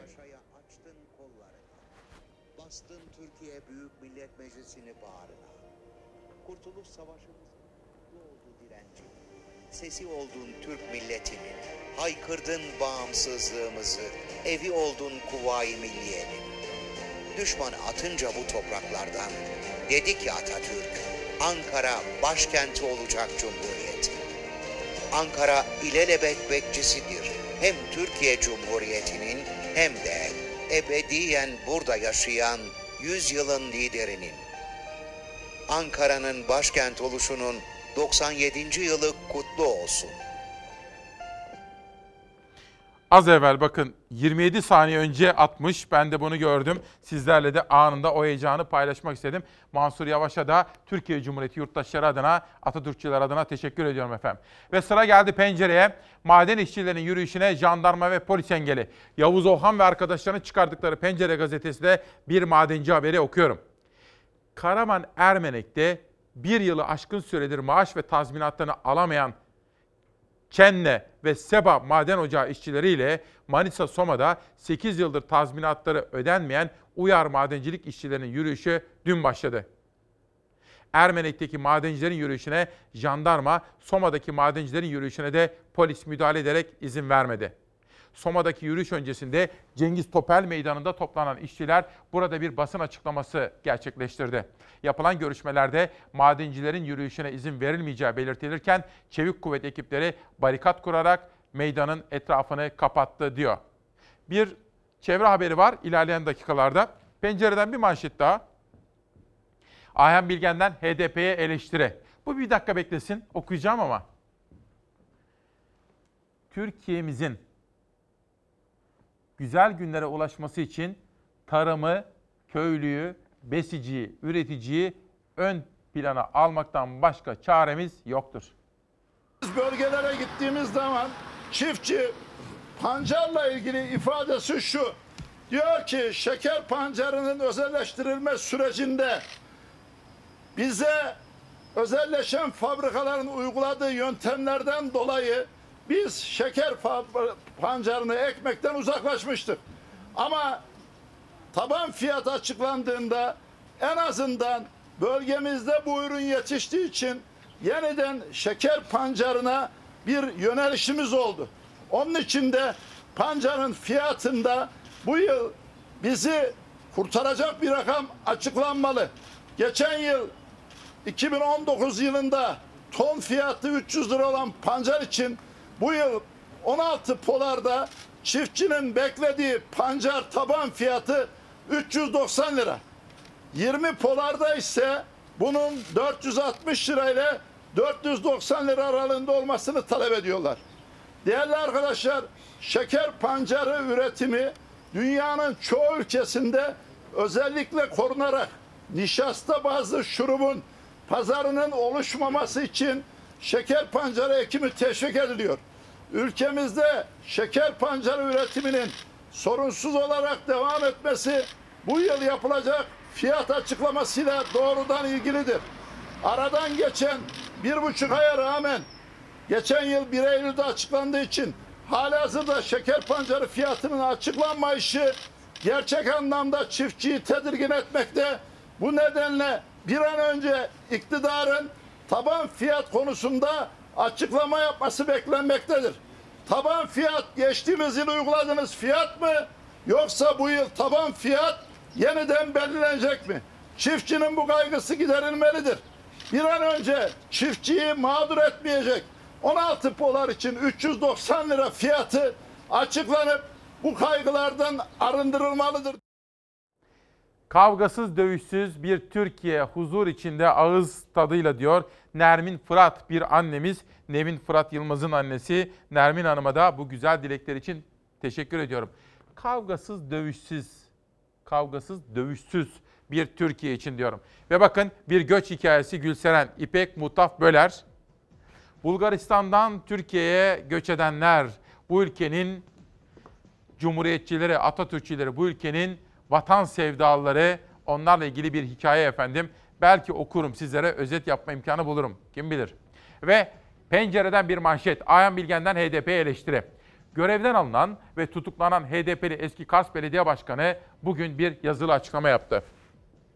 Ayhan Bilgen, HDP tersine Türkiye'leşme yaşıyor başlıklı açıklamada partinin kuruluşunda Türkiye'de mağduriyet yaşamış kesimlerle birlikte mücadele yürütme hedeflenirken istenen mesafenin kat edilmemesini eleştirdi. HDP çözüm sürecindeki genişlemeyi kalıcı sanmış ve kişisel başarı öyküsü olarak yorumlamayı tercih etmiştir diyen Ayhan Bilgen, partiye yönelik baskı ve tutuklamaların da HDP'nin kendisini masaya yatırmayı zorlaştırdığını vurguladı. Ayhan Bilgen, partinin bu konumundan çıkması için ezber bozacak, ön yargıları boşa çıkaracak arayışların içine girilmesi gerektiğini savundu cezaevinden avukatları aracılığıyla yapmış olduğu önemli açıklamasında.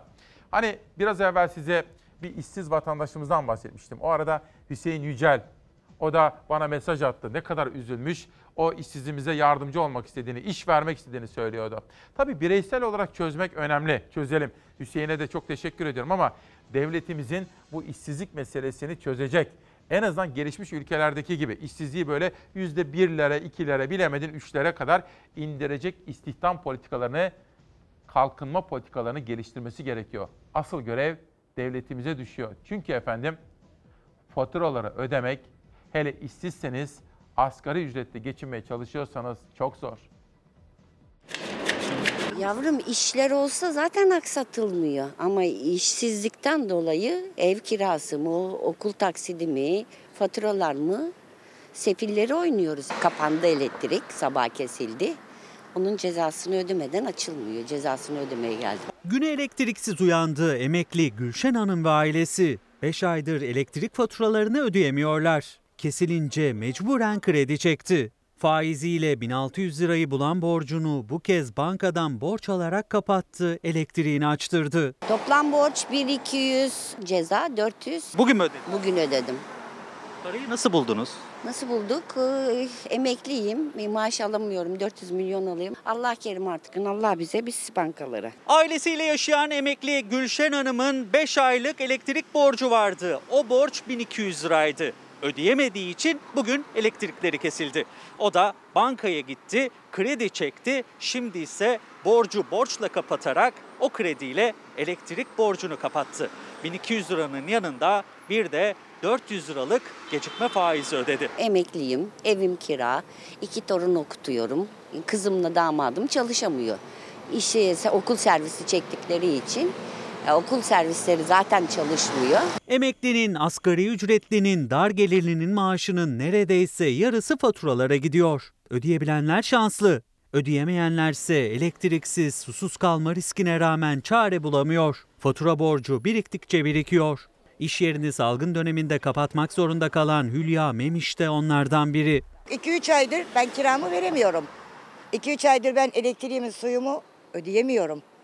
Hadi suyumu bir şekilde takside bağlattırdım ufak çapta ama elektrik ve doğalgazım duruyor. Kesilecek ve ben e, kışta gelse şey de gelse soğuktayım. 5 yaşında torunum var. Gözümüzü açıyoruz zam. Kesilecek önümüzdeki ay ihbarname geldi zaten. Emekliyim ama faturalarına şunla buna başa çıkmak çok zor yani. 2-200 maaş alıyorum. 400 civarında faturaya gidiyor. Elektriğe yapılan %5,75'lik son zamla yükü daha da arttı tüketicinin. Elektrik normalde 70-80 gelirken 100 lira gelmeye başladı. Su, doğalgaz, elektrik ve uzaktan eğitimle daha büyük önem taşıyan internet masrafı derken maaş eriyor. Kışla birlikte havalar daha da soğuyunca 500 lirayı aşacak faturalar. Elektrik hiç gelmese 180-190 doğalgaz zaten şimdi yaz yakmıyoruz ama normalinde 250 geliyor, 300 geliyor. Bıkılmaz mı abicim ya? Her şeye zam var, her şeye zam var. Emekliye ne verdiler? Hiçbir şey. Tüketiciler her ay daha yüksek fatura ödemekten şikayetçi ama onlar havaların iyi gittiği bu günlerden çok kışın özellikle doğalgaz faturasını nasıl ödeyeceklerini düşünüyorlar. Kışı yazı bir ediyorum. Ya bin liranın üzerinde ödediğim fatura. Ben emekliyim.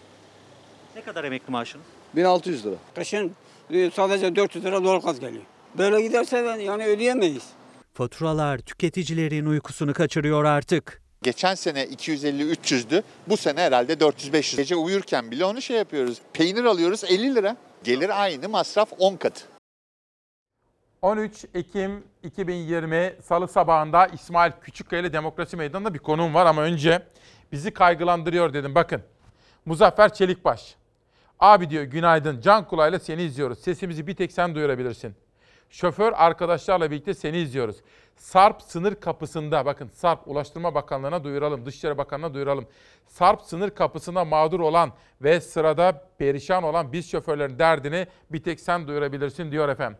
Bu arada sizlere haber vermiştim. Yılmaz abimizin, Yılmaz Özdel'in Son Cüret kitabı çıktı efendim. Bana da imzalamış ve göndermiş 19 Mayıs ruhuyla. Çok teşekkür ediyorum. Kitabı yarıladım. Hatta yarısını birazcık geçti. Öyle zannediyorum iki gün içinde bitecek. Efendim Emeklilikte Yaşa Takılanlar Derneği Başkanı Gönül Hanım var. Gönül Boran Özüpak. Hoş geldiniz. Merhaba, hoş Nasılsınız? bulduk. Çok teşekkür ederim. Sizler de İzmir iyisiniz. Kule'den bir kolonya ikram edeyim mi? Çok Çok teşekkür şık ederim. olmuşsunuz, çok zarif olmuşsunuz. Sağ olun, eksik olmayın. Sizi Çalar Saat'te ilk defa ağırlıyoruz. Ama aslında daha evvel sizleri, ya sesinizi çok işittik ama canlı yayında ilk defa. Evet. can- Nasılsınız? Ee, canlı yayında ilk defa bulunuyoruz. Sizlerle olmak gerçekten bizi e, mutlu etti. Teşekkürler. Her daim sesimizsiniz. Sesimiz olmaya da devam ediyorsunuz. Bu anlamda da bütün EYT'li kaderdaşlarım, arkadaşlarım adına teşekkürlerimi sunuyorum. Bir şey soracağım. Buyurun. EYT ne demek? EYT ne demek? EYT hakları gasp edilen topluluğun adı demek. Ne demek o? 4447 sayılı bir kanun 8 Eylül 1999 öncesi işe girişleri kapsayacak şekilde 2 ila 17 yıl arasında yaş haddi şartımız iki şarttı bizim o zamanki sistemde. Kadınlar 20 yıl 5000 prim günü istendi, erkeklerde de 25 yıl 5000 prim günü istendi ama sizin de bahsettiğiniz gibi maçımız oynanırken bir dakika denildi. Ben sizin bu şartlarınıza bir de yaş haddini getireceğim. Emeklilik planlarınızı öteleyeceğim. Hayallerinizi elinizden alacağım. Denilen bir yasayla e, mağduriyetin adıdır emeklilikte yaşa takılanlar. Peki şu anda geldiğimiz noktada Evet, kaç kişiden bahsediyoruz ve en son durum nedir güncelleyelim bilgileri. evet. Çalışma arkadaşımız sosyal güvenlik uzmanı Özgür Erdursun'la birlikte yaptığımız çalışma sonrasında 5200 5 milyon 200 bin emeklilikte yaşa takılanlar var. Bunlar ilk 1999 öncesi işe girenleri kapsayan. Fakat öyle bir algılar yaratılıyor ki e, 5 milyon 200 bin kişi eğer bu yasa çıkmış olsa bir anda emekli olacak. Olmayacak mı? Olmayacak. Nasıl olacak? Çünkü hala e, hizmet gününü doldurmayan arkadaşlarımız var, prim günü eksik olan arkadaşlarımız var. 700 ila 1 milyon arasında hemen emekli olabilecek bir kesimimiz beklemede. Zaten gelinen süreçte her yıl e, aylık işte 35 bin, senelik 430-450 bin arasında normal şartlarda emekliliğini hak edenler e, mevcut. Bu da tabii 5 milyonluk bir e, sayımız hemen hemen 10 yıla yayılmış durumda. Zannetmesinler ki 5 milyon 200 bin kişi bir anda emekli olacak. Değil. Bir şey soracağım. Buyurun. Bunu hesaplattınız mı? Yani devletimize, Evet. hazinemize bu ne kadarlık bir yük getirecek? Bizim hesaplamalarımıza göre e, 10 milyar 15 milyar arası aylık. E, tabii burada da şöyle bir muallak var İsmail Bey. Bizim çalışmalarımız Sosyal Güvenlik Kurumu'nun yayınladığı yayınlar doğrultusunda. Dernek olarak Emeklilikte Yaşa Takılanlar Derneği olarak biz Çalışma Bakanlığımızdan dedik ki bizim sayımız nedir? Milletvekillerimiz mecliste birçok soru önergesi verdi. Hı hı. Maalesef bu anlamda hiçbir cevap alamadık. Bizim yaptığımız çalışmalarla bu sayı e, rakam 10 milyarla 15 milyar arasında o sayının inip çıkmasıyla değişkenlik gösteriyor. Hükümetin en son buradaki yaklaşımı nedir? Yani tamamen kabul etmiyorlar değil mi? Etmiyoruz diyorlar ama biz aslında kesinlikle o algıyı da kabul etmek istemiyoruz. Hep üzerimize erken emeklilik istiyorlar. Bütçeye yük algısıyla geliyorlar. Oysa ki biz erken emeklilik istemiyoruz. Şunu Öyle istiyoruz. bir tutalım bir görünsün o. Evet. Bir dakika. Böyle Bunu bir tutalım. istiyoruz. Ne demek bu? Ne demek istiyorsunuz orada? Burada erken emeklilik algısıyla zannediliyor ki işte e, günü gelmemiş, işte erkenin anlamı nedir? Vaktinden önce demek. Günü gelmemiş bir e, emeklilik hakkımızı istiyoruz algısı yaratılıyor. Oysa ki biz şu anki çalışma hayatımızla 28-30 yıldır çalışma hayatının içerisinde olup en fazla memleketine, ülkesine hizmet veren, alın teri döken e, bir topluluğuz. Asla erken emeklilik istemiyoruz. Şöyle de bir sıkıntımız var. Haklarımızı istiyoruz. Bizden istenilen prim gün sayısını fazlasıyla doldurduk. Emekli edin diyoruz.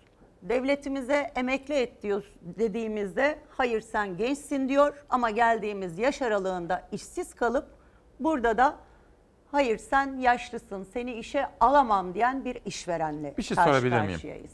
Evet Şimdi artık tabii kavramlar değiştiği için ben bu yaşlılık kavramlarını falan da atıyorum ya. koyuyoruz. Ee, Peki. Kabalık diye düşünmeyin.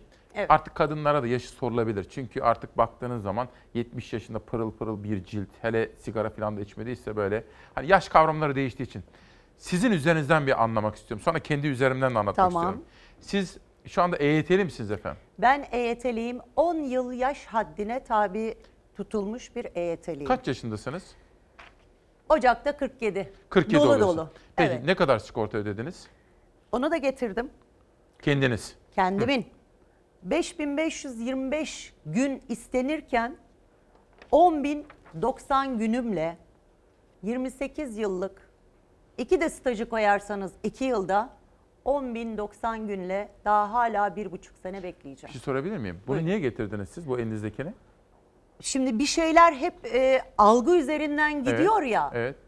Sosyal Güvenlik Kurumu'nun uygulama sitesinde artık bugün girdiğiniz zaman ne zaman emekli olabilir? Herkesin bilindiği. Ha, Herkesin tamam. bildiği bir şey. Giriyorsunuz Google'dan araştırıyorsunuz ve diyorsunuz ki ben ne zaman emekli olacağım ve ne kadar maaş alacağım. Çünkü ben sizinle daha önce hiç böyle telefonda falan konuşmadım. Konuşmadık. Hani ben size çünkü kendi ben örneklem ver- Evet. vererek ya- anlamaya çalışıyorum. Mesela ben 1999 yılı Eylül ayında Hürriyet'te pardon Sabah gazetesine başladım. Öncesinde 2 yıl Hürriyet'te kadrosuz sigortasız çalıştım Evet. ama normalde ben sigortalı olduktan sonra bana devlet dedi ki şu kadar yıl çalışırsan bu kadar yıl prim ödersen şu yaşta emekli olursun.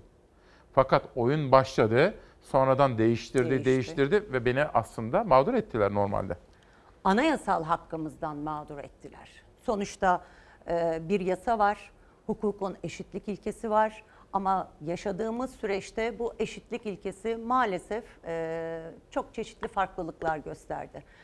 Bizimle e, şu an algı yaratılıp bütçeye yük olarak gösterilip ya da erken emeklilik istiyorlar denilen diyen kişiler tabii ki hükümetimizden e, yapılan açıklamalar ya da muhalif olduğumuzu düşünenlerin yarattığı algılarla bu insanlar bizimle aynı şartlara tabi iken emekli olan insanlar.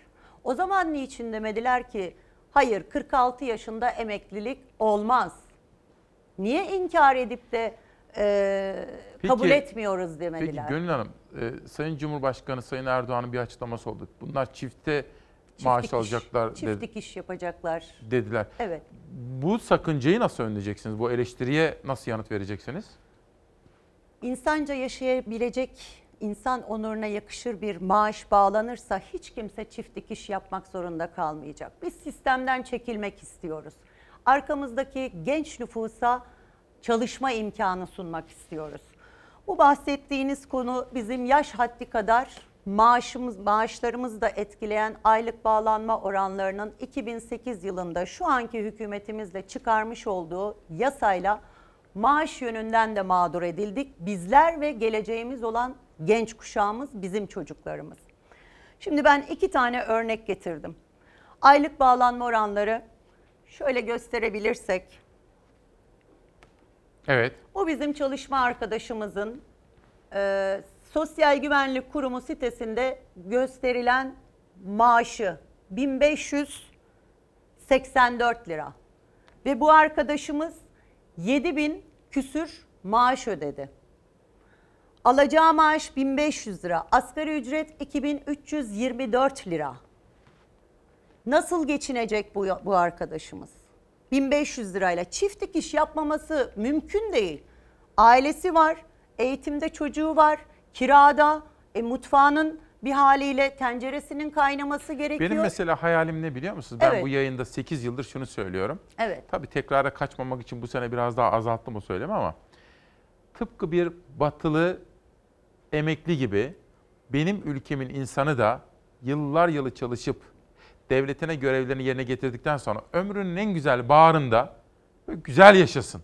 Yılda iki bilemedim bir kere tatiline gitsin. Çoluğuna çocuğuna torununa Ya, hediyeler hayalimiz- alabilsin.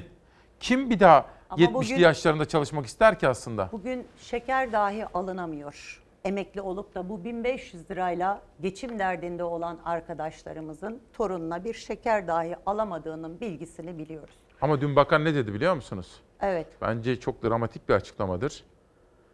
izledim. Devletimiz dedi bu kadar bu kadar bu kadar dedi. Emekliye bu Emekli. kadar maaşını ödedi dedi son iki ayda üç ayda dedi. Son iki yılda Ne düşündünüz orada?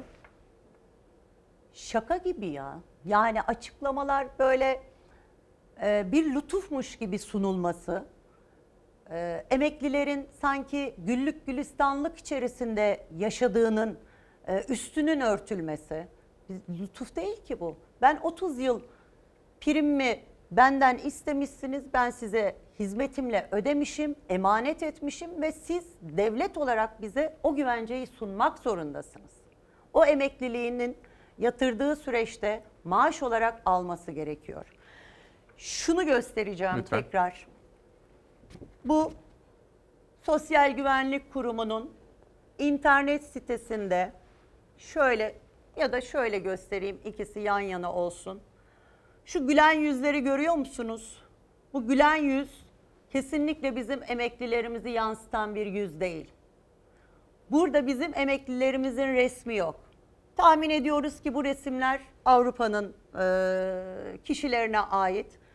Bizim emeklilerimiz maalesef e, çok daha ağır şartlarda Peki. Buna devam çalışıyorlar. edelim. Bir Evet. reklam arasına gidelim. Kahve içtiniz mi sabah?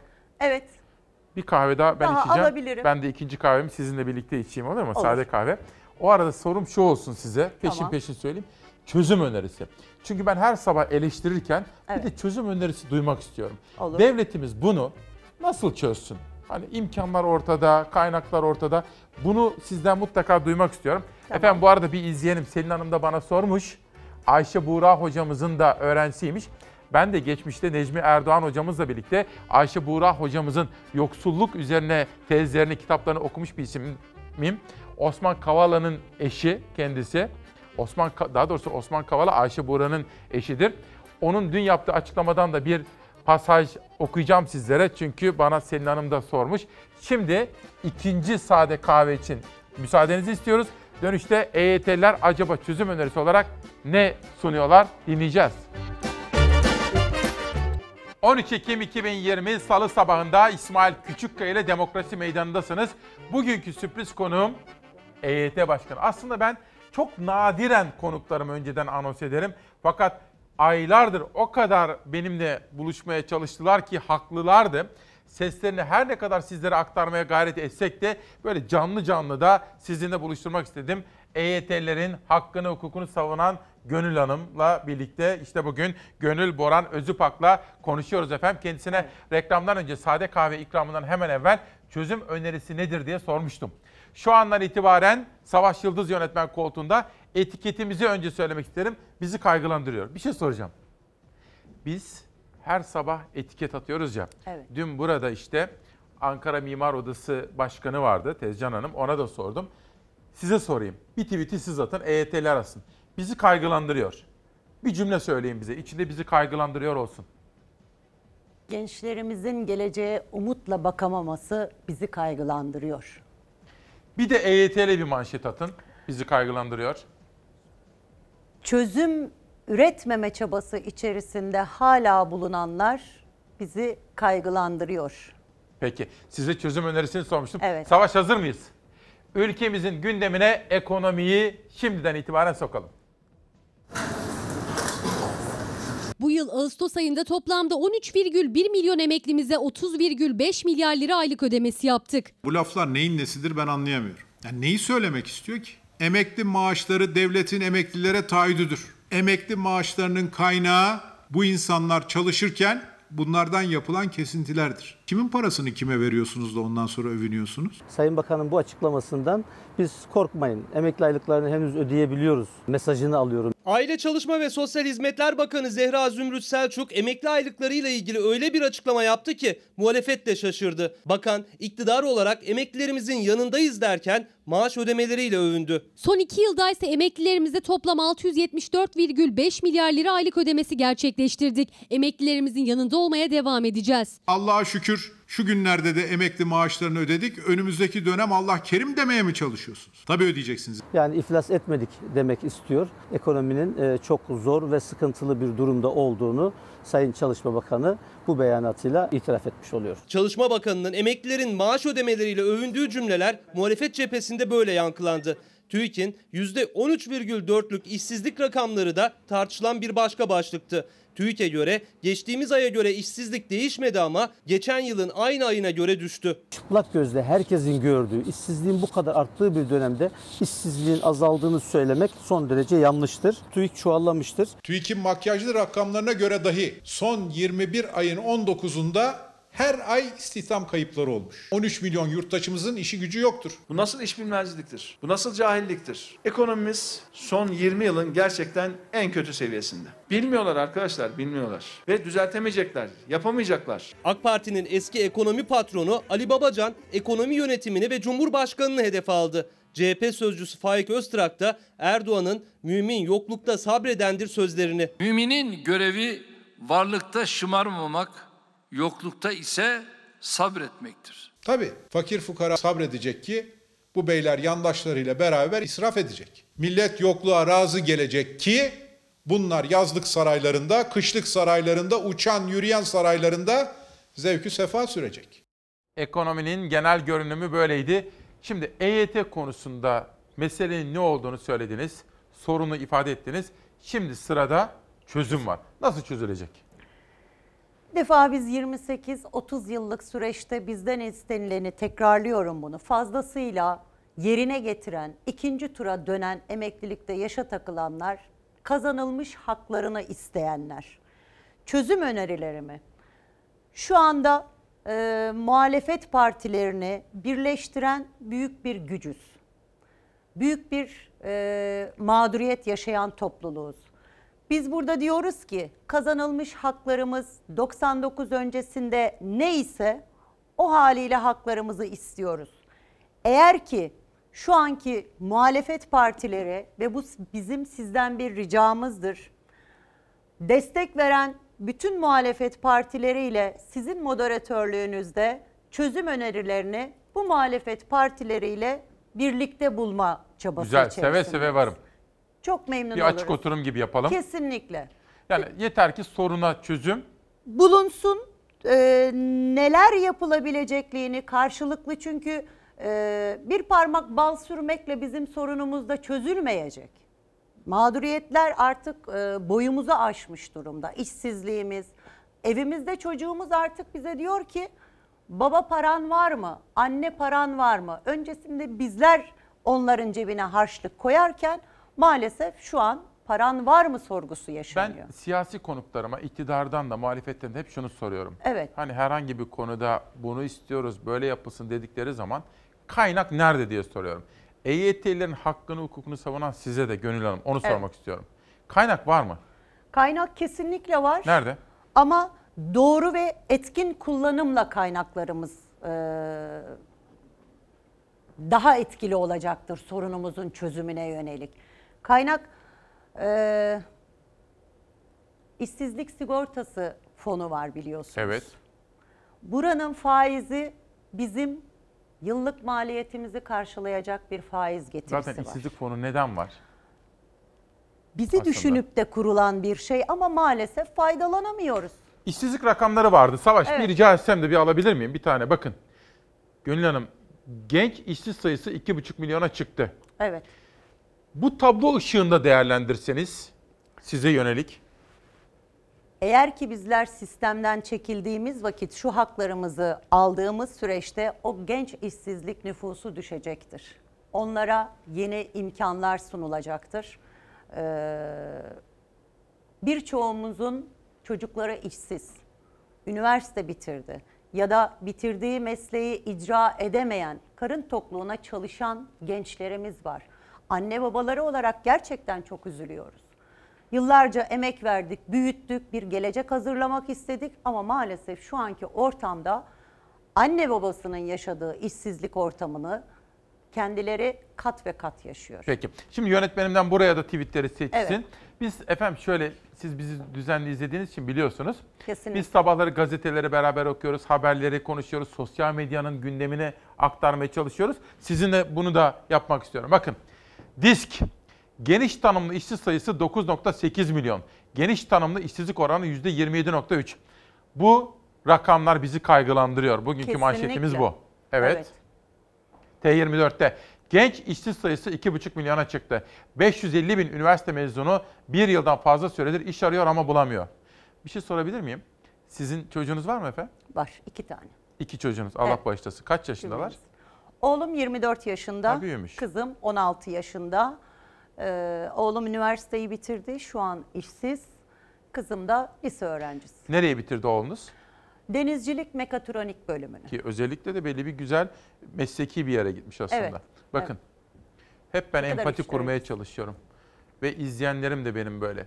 Kendisini karşısındakinin yerine koyarak onun yaşadığını anlamaya çalışır. Bizim Kesinlikle. Çalar Saat ailesi.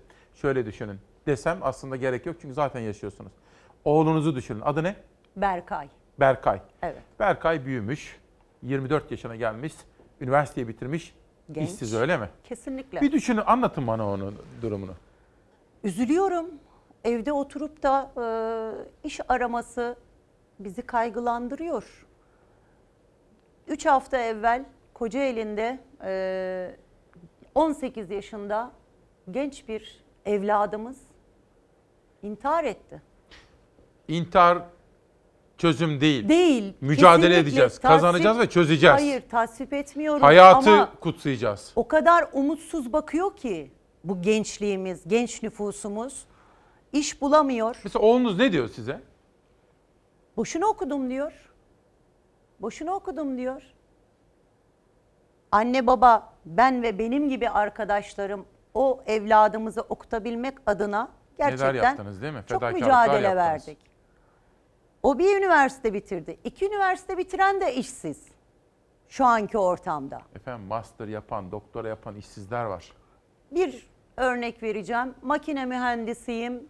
Bir lokantada garsonluk yapıyorum diyen yorumlarımız var. Ya maalesef. İçler acısı. Size bir de bu aylık bağlanma meselesi var efendim. Evet, evet. Bana en çok gelen sorulardan birisi de bu. Bunu da sormak istiyorum. Lütfen. Ama yönetmenimden rica edeceğim. Çalar Saat gazetesi bir gelsin. Biz ülkemizi çok seviyoruz ya efendim. Çevresini, doğasını korumamız gerekiyor. Ama aynı zamanda emekçinin yanında olmamız gerekiyor. Evet. Bugün bu düzenleme bizi kaygılandırıyor dedik. Kaz Dağları Kardeşliği platformu. Bunun videosunu yayınlamadık biz arkadaşlar. Yayınladık mı bu sabah? Bir videosu var bunun. O video insanlara bu meselenin ne olduğunu net olarak anlatacak. Savaş hazır mıyız? O videoyu bir izleyelim sonra aylık bağlama meselesini konuşacağız.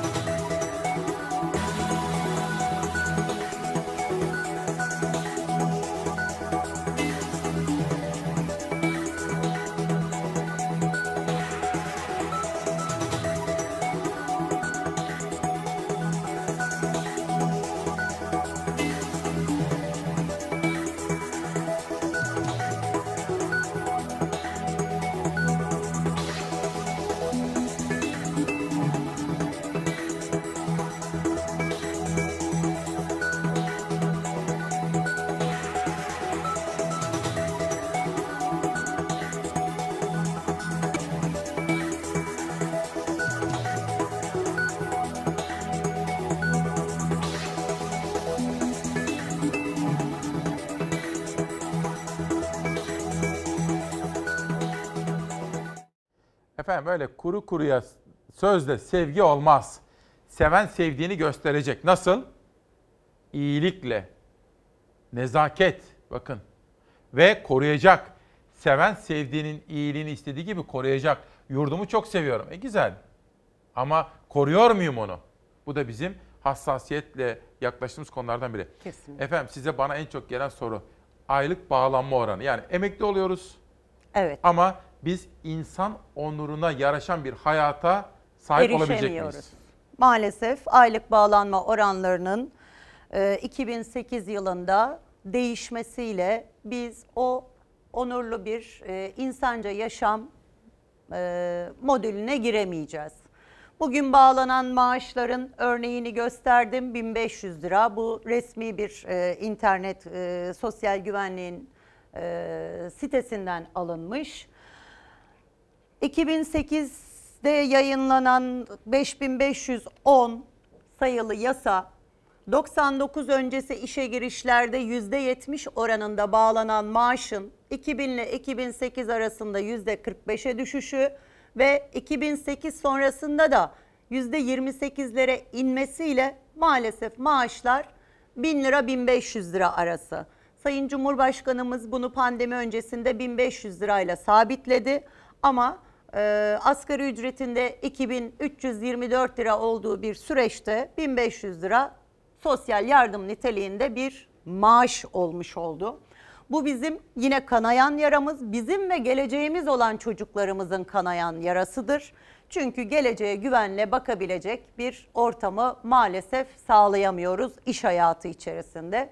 Sosyal Güvenlik Kurumu yasaları da her yeni gelen yasa maalesef iyileştirici olmuyor. Aksine onun üstüne hep böyle mağduriyet yaratan e, yasalar oluyor. Biliyorsunuz e, BES çıktı, tamamlayıcı emeklilik e, sistemi çıktı. Esnek çalışma e, adı altında taslak halinde mecliste bekleyen yasa var. Burada da kıdem tazminatımız yine e, bir haliyle elimizden alınmak isteniyor.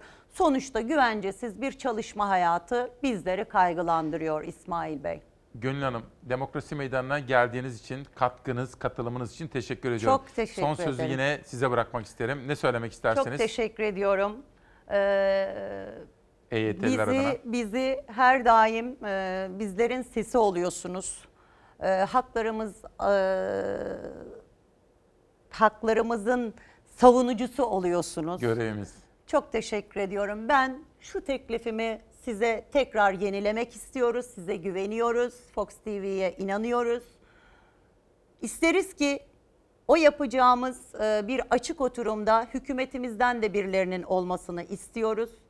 E, Davetini de hem sizler hem bizler de yapıp e, bu açık oturumu karşılıklı yürütüp de çözüm önerilerini bilmek istiyoruz, duymak istiyoruz. Bir de şöyle bir şey var. Biz gerçekten Türkiye'nin en büyük mağduriyetini yaşayan topluluğuz. Yerel seçimlerde e, damgamızı vurduk. Gücümüz bu topluluğun haklılığından geliyor. Vatandaşlık görevimiz var. İlerleyen süreçte tabii bir erken Ha diyorsunuz ki genel biz seçim- 5 milyondan fazlayız. Seçimlerde gücümüzü gösteririz mi diyorsunuz? ailelerle birlikte katarsanız bu 5 milyon olmuyor. Yani belki bunu hani erken genel seçim olur ya Bunu da, da iktidarıyla, muhalefetiyle bütün siyasi aktörlere duyuralım diyorsunuz. kesinlikle e, yani Çünkü demokrasi bu işte. Demokrasi, söz hakkı, sandık, sandıktaki söz hakkı. Çok vatandaşlık görevimiz e, oy kullanmak. Zamanı geldiği zaman o oyu da biz en iyi şekilde e, yerine getireceğimizi de ifade ediyoruz. Çok teşekkür ediyorum. Ben Bir teşekkür saniyenizi ederim. alacağım. Tabii. Savaş bir madenci haberimiz vardı. Hazır mı o? Madencinin sesini de duyalım, duyuralım.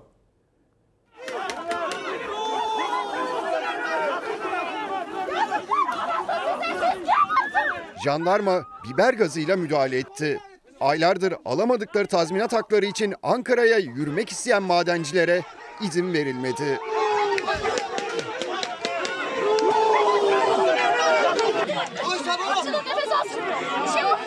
Manisa Soma'da 301 madencinin şehit olduğu facianın ardından Türkiye Kömür İşletmelerine bağlı Rödevans işletmesi yapan yüzlerce madenci işten çıkarıldı.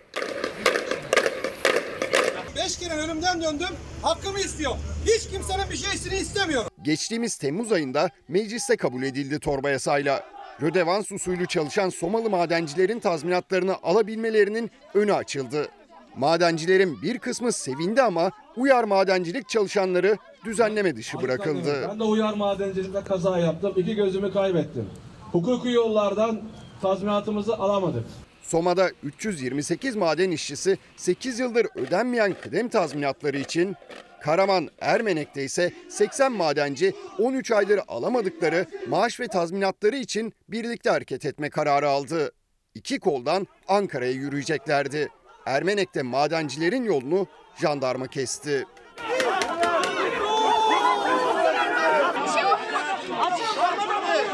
Ben pandemiden ölmeye razıyım. Hastalarım yok. Daha kötü. Öyle bir dünya yok komutanım. Bir süre sonra biber gazı devreye girdi. Kargaşa sırasında bayılanlar oldu. Jandarmanın sert müdahalesinin ardından madenciler oturma eylemi başlattı. Arkadaş maaş vermese devlet durur musunuz sizce 13 ay? Çocuğunuz yok mu? Şu gözümün haline bakın. Allah'tan korku yok mu? Topluca biz sizi hiçbir şekilde yürütmeyeceğiz. Tam topluca yürümüyoruz hiçbir şekilde. Soma'da ise valilik koronavirüsü gerekçe göstererek 15 gün süreyle yürüyüş, gösteri ve toplantı yapılmasını yasakladı. Madenciler basın açıklaması yaptı ancak polis Ankara'ya yürütmedi. Soma maden şehitliğine gitmelerine müsaade edildi.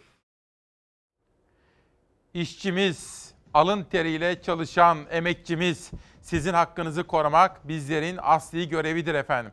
Bir tek sizlerseniz bizim patronlarımız. Şimdi sosyal medya manşetlerine devam ediyorum. Soma ve Ermenek'le ilgili manşetleri sizlere aktardım. Geçelim bir sonrakine. BBC News. Biz de geçmişte Arjant Felsefe grubunda Necmi Erdoğan'la Ayşe Buğra hocamızın yoksulluk üzerine kitaplarını çok okumuştuk. Profesör Doktor Ayşe Buğra'dan siyasi partilere Osman Kavala çağrısı. Benim ve eşimin annesinin durumunun bütün siyasi partilerdeki kadın temsilcileri ilgilendirmesi gerektiğini düşünüyorum diyor.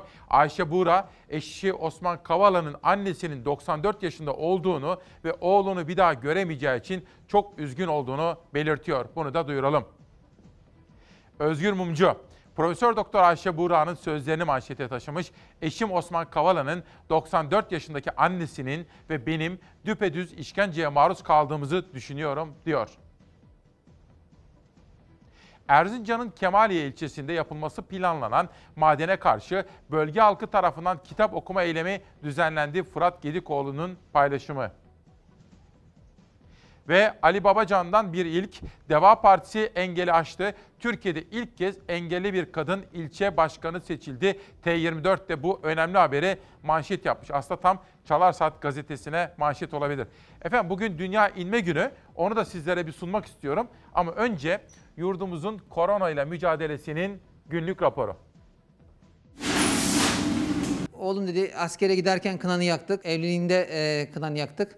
Bu da bir gaza. E, kınanızı yakalım. Kınamızı yaktı ve e, dualarla e, mücadele ettik. Annesi eline kınasını yaktı, öyle gönderdi hastaneye. Koronavirüs salgınıyla en ön safta mücadele veren kahraman doktorlar kınalı elleriyle pek çok hayatı virüs pençesinden kurtardı. Bunu görünce herkes e, hocam e, savaşa mı gidiyoruz ne oldu dedim. Bu da bir savaş yani bu da bir gaza. Ekibiyle birlikte ellerinde kınaları adeta savaş açtılar virüse. Doktor İsmail Hakkı Akbudak'tan sonra ekip olarak kına yaktılar ellerine. Denizli'de Covid-19 mücadelesi veren kınalı eller her gün pek çok hastayı kurtarıyor. Biz e, bu, bu yola e, baş koyduk. Aynı savaş gibi, aynı e, bir hayatın yeni bir dönemi gibi. Hayatın en yeni dönemini ise hastalığı yenip yaşama yeniden tutunanlar yaşıyor şüphesiz. Ölümle yüz yüze geldiklerinde yaşadıkları korkuyu bakın nasıl anlatıyorlar. Sık sık e, Covid'den vefat edenlerin haberlerini e, okuyup yazan, çizen birisi olarak eyvah sıra bize geldi. Ben de e, ölüyorum gibi bir e, hisse kapılıyorsun. O bir gazeteci. Covid sürecini en başından beri aşama aşama takip etti. Virüse yakalanıp hastaneye yatınca sıra bana geldi diye düşündüğünü söylüyor Zeynel Abidin Kıymaz. GAP Gazeteciler Birliği Genel Başkanı korktuğunu anlatıyor. Çevremizde Covid'den ölenlerin sayısı bayağı yüksekti. Yani bir an için öleceğimi düşündüm. Sağlık çalışanlarına minnettarlığını da dile getiren Adıyamanlı gazeteci uyarıyor. Onları el üstünde tutmalıyız. Olur olmaz e, hastane ve e, çalışanları, personel yöneticileri de incitecek, morallerini bozacak e, durumlardan da kaçınmamız lazım. Nihayetinde onlar da insan. E, ölümle mücadele edip insan e, kurtarmaya çalışıyorlar. Bu sabah da haberleri bakın dolu dolu haberler yaptık. Ezgi Gözeger hazırladı, Zafer Söken hazırladı, Beyza Gözeyik hazırladı. Editörüm Zeray Kınacı'ydı, yönetmenim Hilal ve şimdi Savaş Yıldız, danışmanım Nihal Kemaloğlu katkıları vardı. Gazetemizi Tuğba Özdavul çizdi. Kameralarda ve rejideki, kurgudaki bütün arkadaşlarıma da ne kadar teşekkür etsek azdır diyorum. Esra Kandemir olaylar olaylar diyor. Bakın olaylar olaylar. Ve Hüsnü Mali Filistin benimdir. Orta Doğu'nun kanlı tarihi kırmızı kediden çıkmış efendim. Yerel gazeteleri aktaracağım ama önce efendim bugün 13 Ekim. Damar tıkanıklığı sinsi bir hastalık ve çok basit bazı önlemlerle aslında bundan kurtulabiliriz. Bugün 13 Ekim Dünya Tromboz Günü. Peki tromboz ne demek? Tromboz atar damarlarımız ve toplar damarlarımız içindeki kanın pıhtılaşması. Hangi kliniklerle bunu e, görebiliriz? Koldaki büyük damarlarımızın, bacaktaki derin sistemdeki büyük damarlarımızın pıhtılaşmasıyla karşımıza derin ven trombozu olarak gelebilir. Ayrıca kalbimizi besleyen koroner damarlarımızın tıkanmasındaki pıhtıyla birlikte kalp krizi olarak karşımıza gelebilir. Boynumuzdaki şah damarı dediğimiz karotis damarın tıkanmasıyla inme olarak karşımıza gelebilir. Bacaklarımızdaki arteriyel sistemin, periferik arteriyel sistemin, atar damarlarımızın pıhtıyla tıkanmasıyla birlikte kangren şeklinde karşımıza gelebilir. Dünyadaki her dört kişiden biri pıhtı sebepli damar hastalıkları sonucunda vefat etmektedir. Ve bu sayıda gerçekten AIDS'ten, trafik kazalarından ve kanserden ölenlerden daha fazladır. Toplar damar ve atar damarlardaki pıhtıların sebepleri farklı olabilirken ortak olan sebepleri de vardır. Bunların en başında hareketsizlik, ailevi genetik sebepler, fazla kilo obezite, tütün sigara içiciliği, fazla miktarda alkol kullanımı ve ileri yaş 60 yaş üstü olmak gelmektedir. Daha çok yaşam tarzımız karantina sebeple ev içinde e, oluştu. Bu süreç içinde evden çalışmalar arttı. Bilgisayar başında geçirdiğimiz süreler çok uzadı. Hatta televizyon karşısında geçirdiğimiz süreler de çok uzadı. Derken eğitim sebepli de bilgisayar başında ve televizyon karşısındaki geçen süreler de uzadı. Bunlar karşımıza bu uzamış sürelerdeki hareketsizliğe bağlı e, venlerin içindeki, toplar damarların içindeki kanın yavaşlamasıyla ilgili sorunlar yarattı. Bütün hastalarıma, yakınlarıma hep bu mesajı tekrar tekrar vermek zorunda kaldım. Hareket edin, ara verin, aralarda mutlaka bacak kaslarınızı çalıştırın, sıvı tüketimini artırın, özellikle bol miktarda su için. Efendim günde 2,5 litre su içmemiz gerekiyor. Bol bol. Hocamızın söylediği gibi sıvı tüketimi önemli, hareket önemli, yürüyüş yapacağız. Her gün annemle yaptığım konuşmada, yaşarken babama da söylerdim. Günlük 40 dakika, 50 dakika yürüyüş yapmamız gerekiyor. Ameliyat arası Profesör Doktor Metin Ertem'in Covid-19'a ilişkin kitabı da. Bakın bu kitaplar imzalı efendim. Bize yazılıyor, imzalanıyor ve gönderiliyor. Çok teşekkür ediyorum. Yerel gazete manşetlerine şöyle bakalım. Savaş gel. Yerel gazetelerde neler var? Anadolu Gazetesi nice 97. yıllara Ankara'nın başkent oluşunun 97. yılını coşkuyla kutlayacağız bugün. Bir de Dumlupınar'a geçelim. Kütahya, çiftçi pancara zam bekliyor. Mazot, gübre, sulama, elektrik ve söküm bedeli başta olmak üzere maliyetlerin geçen yıla göre çok fazla arttığını bildiren şeker pancarı üreticileri ton başına 500 lira civarı fiyat açıklanmasını bekliyor. Gaziantep, aşı ile ilgili bir haber dikkatimi çekti. Eczane başına 50 kutu düşecek. Bu haber insanı grip yapar. Grip aşısı henüz gelmemiş, yeterince yok ve olmayacak diye söylüyorlar. Geçelim İstanbul Gazetesi. Yasak var ama dinleyen yok. Hani dün sizlere söylemiştim. Filiz İbra Hanım dikkatimi çekmişti. Sigara karşıtısınız tamam ama nargileye de dikkat çekmemiz gerekiyor. Burak Zihni de bu konuyu gündeme taşımış efendim. Hatay'ın yaralarını hep beraber sarıyoruz, saracağız.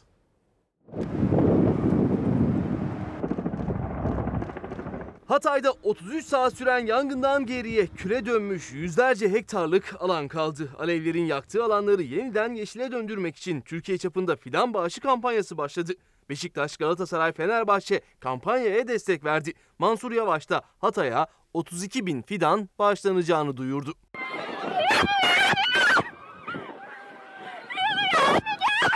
Hatay'ın Belen ilçesinden yükseldi alevler. Rüzgarın hızı saatte 70 kilometreye yükselince yangın kısa sürede İskenderun ve Arsuz'a da sıçradı. Rabbim aman ya Rabbim aman ya Rabbim. Yangın yerleşim yerlerine ilerleyince panik yaşandı. İnsanlar korkuyla alevlerden kaçtı. Bine yakın kişi çalıştı alevleri söndürmek için. Bir uçak, 5 helikopter, 188 arazöz, 25 iş makinesi görev aldı. Yangın 33 saat süren çalışmalar sonrasında söndürülebildi.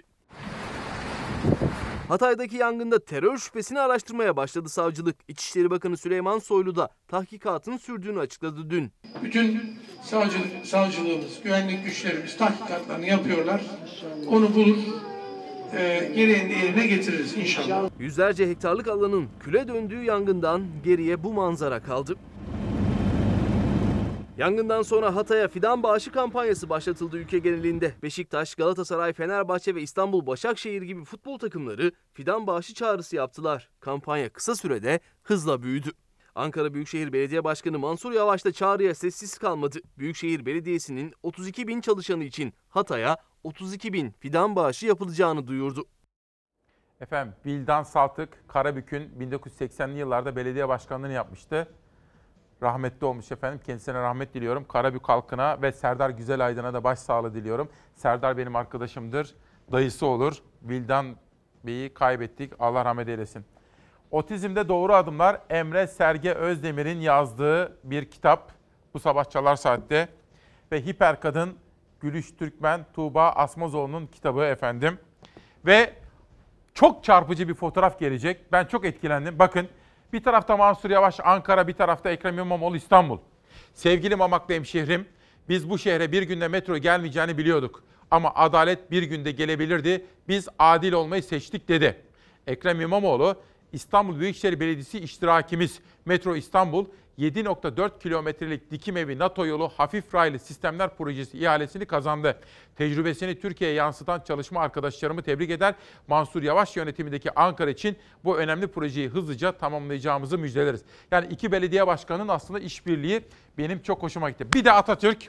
Efendim bugün Ekim'in 13'ü biz yurtseverler, biz Cumhuriyet severler, biz Atatürk sever, severler bu özel günün hakkını vermeye gayret ediyoruz. Ve savaş hazır mıyız? Bugün Ankara'mızın başkent oluşunun yıl dönümü. Ankara'nın taşına bak, gözlerimin yaşına bak. Anlatır mısınız nasıl başladığınızı? İlk sene burada. Paşam ilk sene başladığımız zaman bütün bu görülen ağaçlı yerler bir tek ağaç bile yoktu. Çöl halindeydi. Karşıki derelerin içerisinde bir çadırla işe başladık. Amerika traktörlerinden Thornton aldık ve bu suretle mebde olarak işe başlamış olduk. Birkaç sahada ziraatı mütevessi bir sahada yapmak için makinalı ziraata ehemmiyet verdik. Hayvanata fazla miktarda ehemmiyet verdik. 5 sene zarfında 1 milyona yakın ağaç diktik. Meyve bahçeleri yaptık, bağ yaptık ve 7 bine kadar koyun yetiştirdik. Taş yarıldı baştan başa. Paşam 4 yaşında. İlk yavrusunu aldık. 18 okka kadar yemeye süt verir. Simental. Kırım üzerine geliyoruz paşam. Simental üzerine ve bir de Hollanda üzerine. Bu halis bir simentaldir. Bu diğer renkli inekler hangi cinsleri? Paşam ekserisi Kırım'dır. Kırım İsviçre'dir. ve Hollanda vardır. Hollanda'yı bilhassa yerlerle birleştirip en yüksek dünyada süt veren Hollanda cinsidir ki yevmiye 40 litre kadar verir. Yerlilerin hem cüsselerini yükseltmek hem süt kabiliyetlerini çoğaltmak için kurazman yaptırmak, melez yaptırmak esasına görüyoruz. Melez şey, iklime alıştırıyorsunuz. İklime alıştırıyoruz. Hem süt üzerine ve hem de et üzerine en yüksek. Uyan uyan Gazi Kemal Şu feleğin işine bak işine bak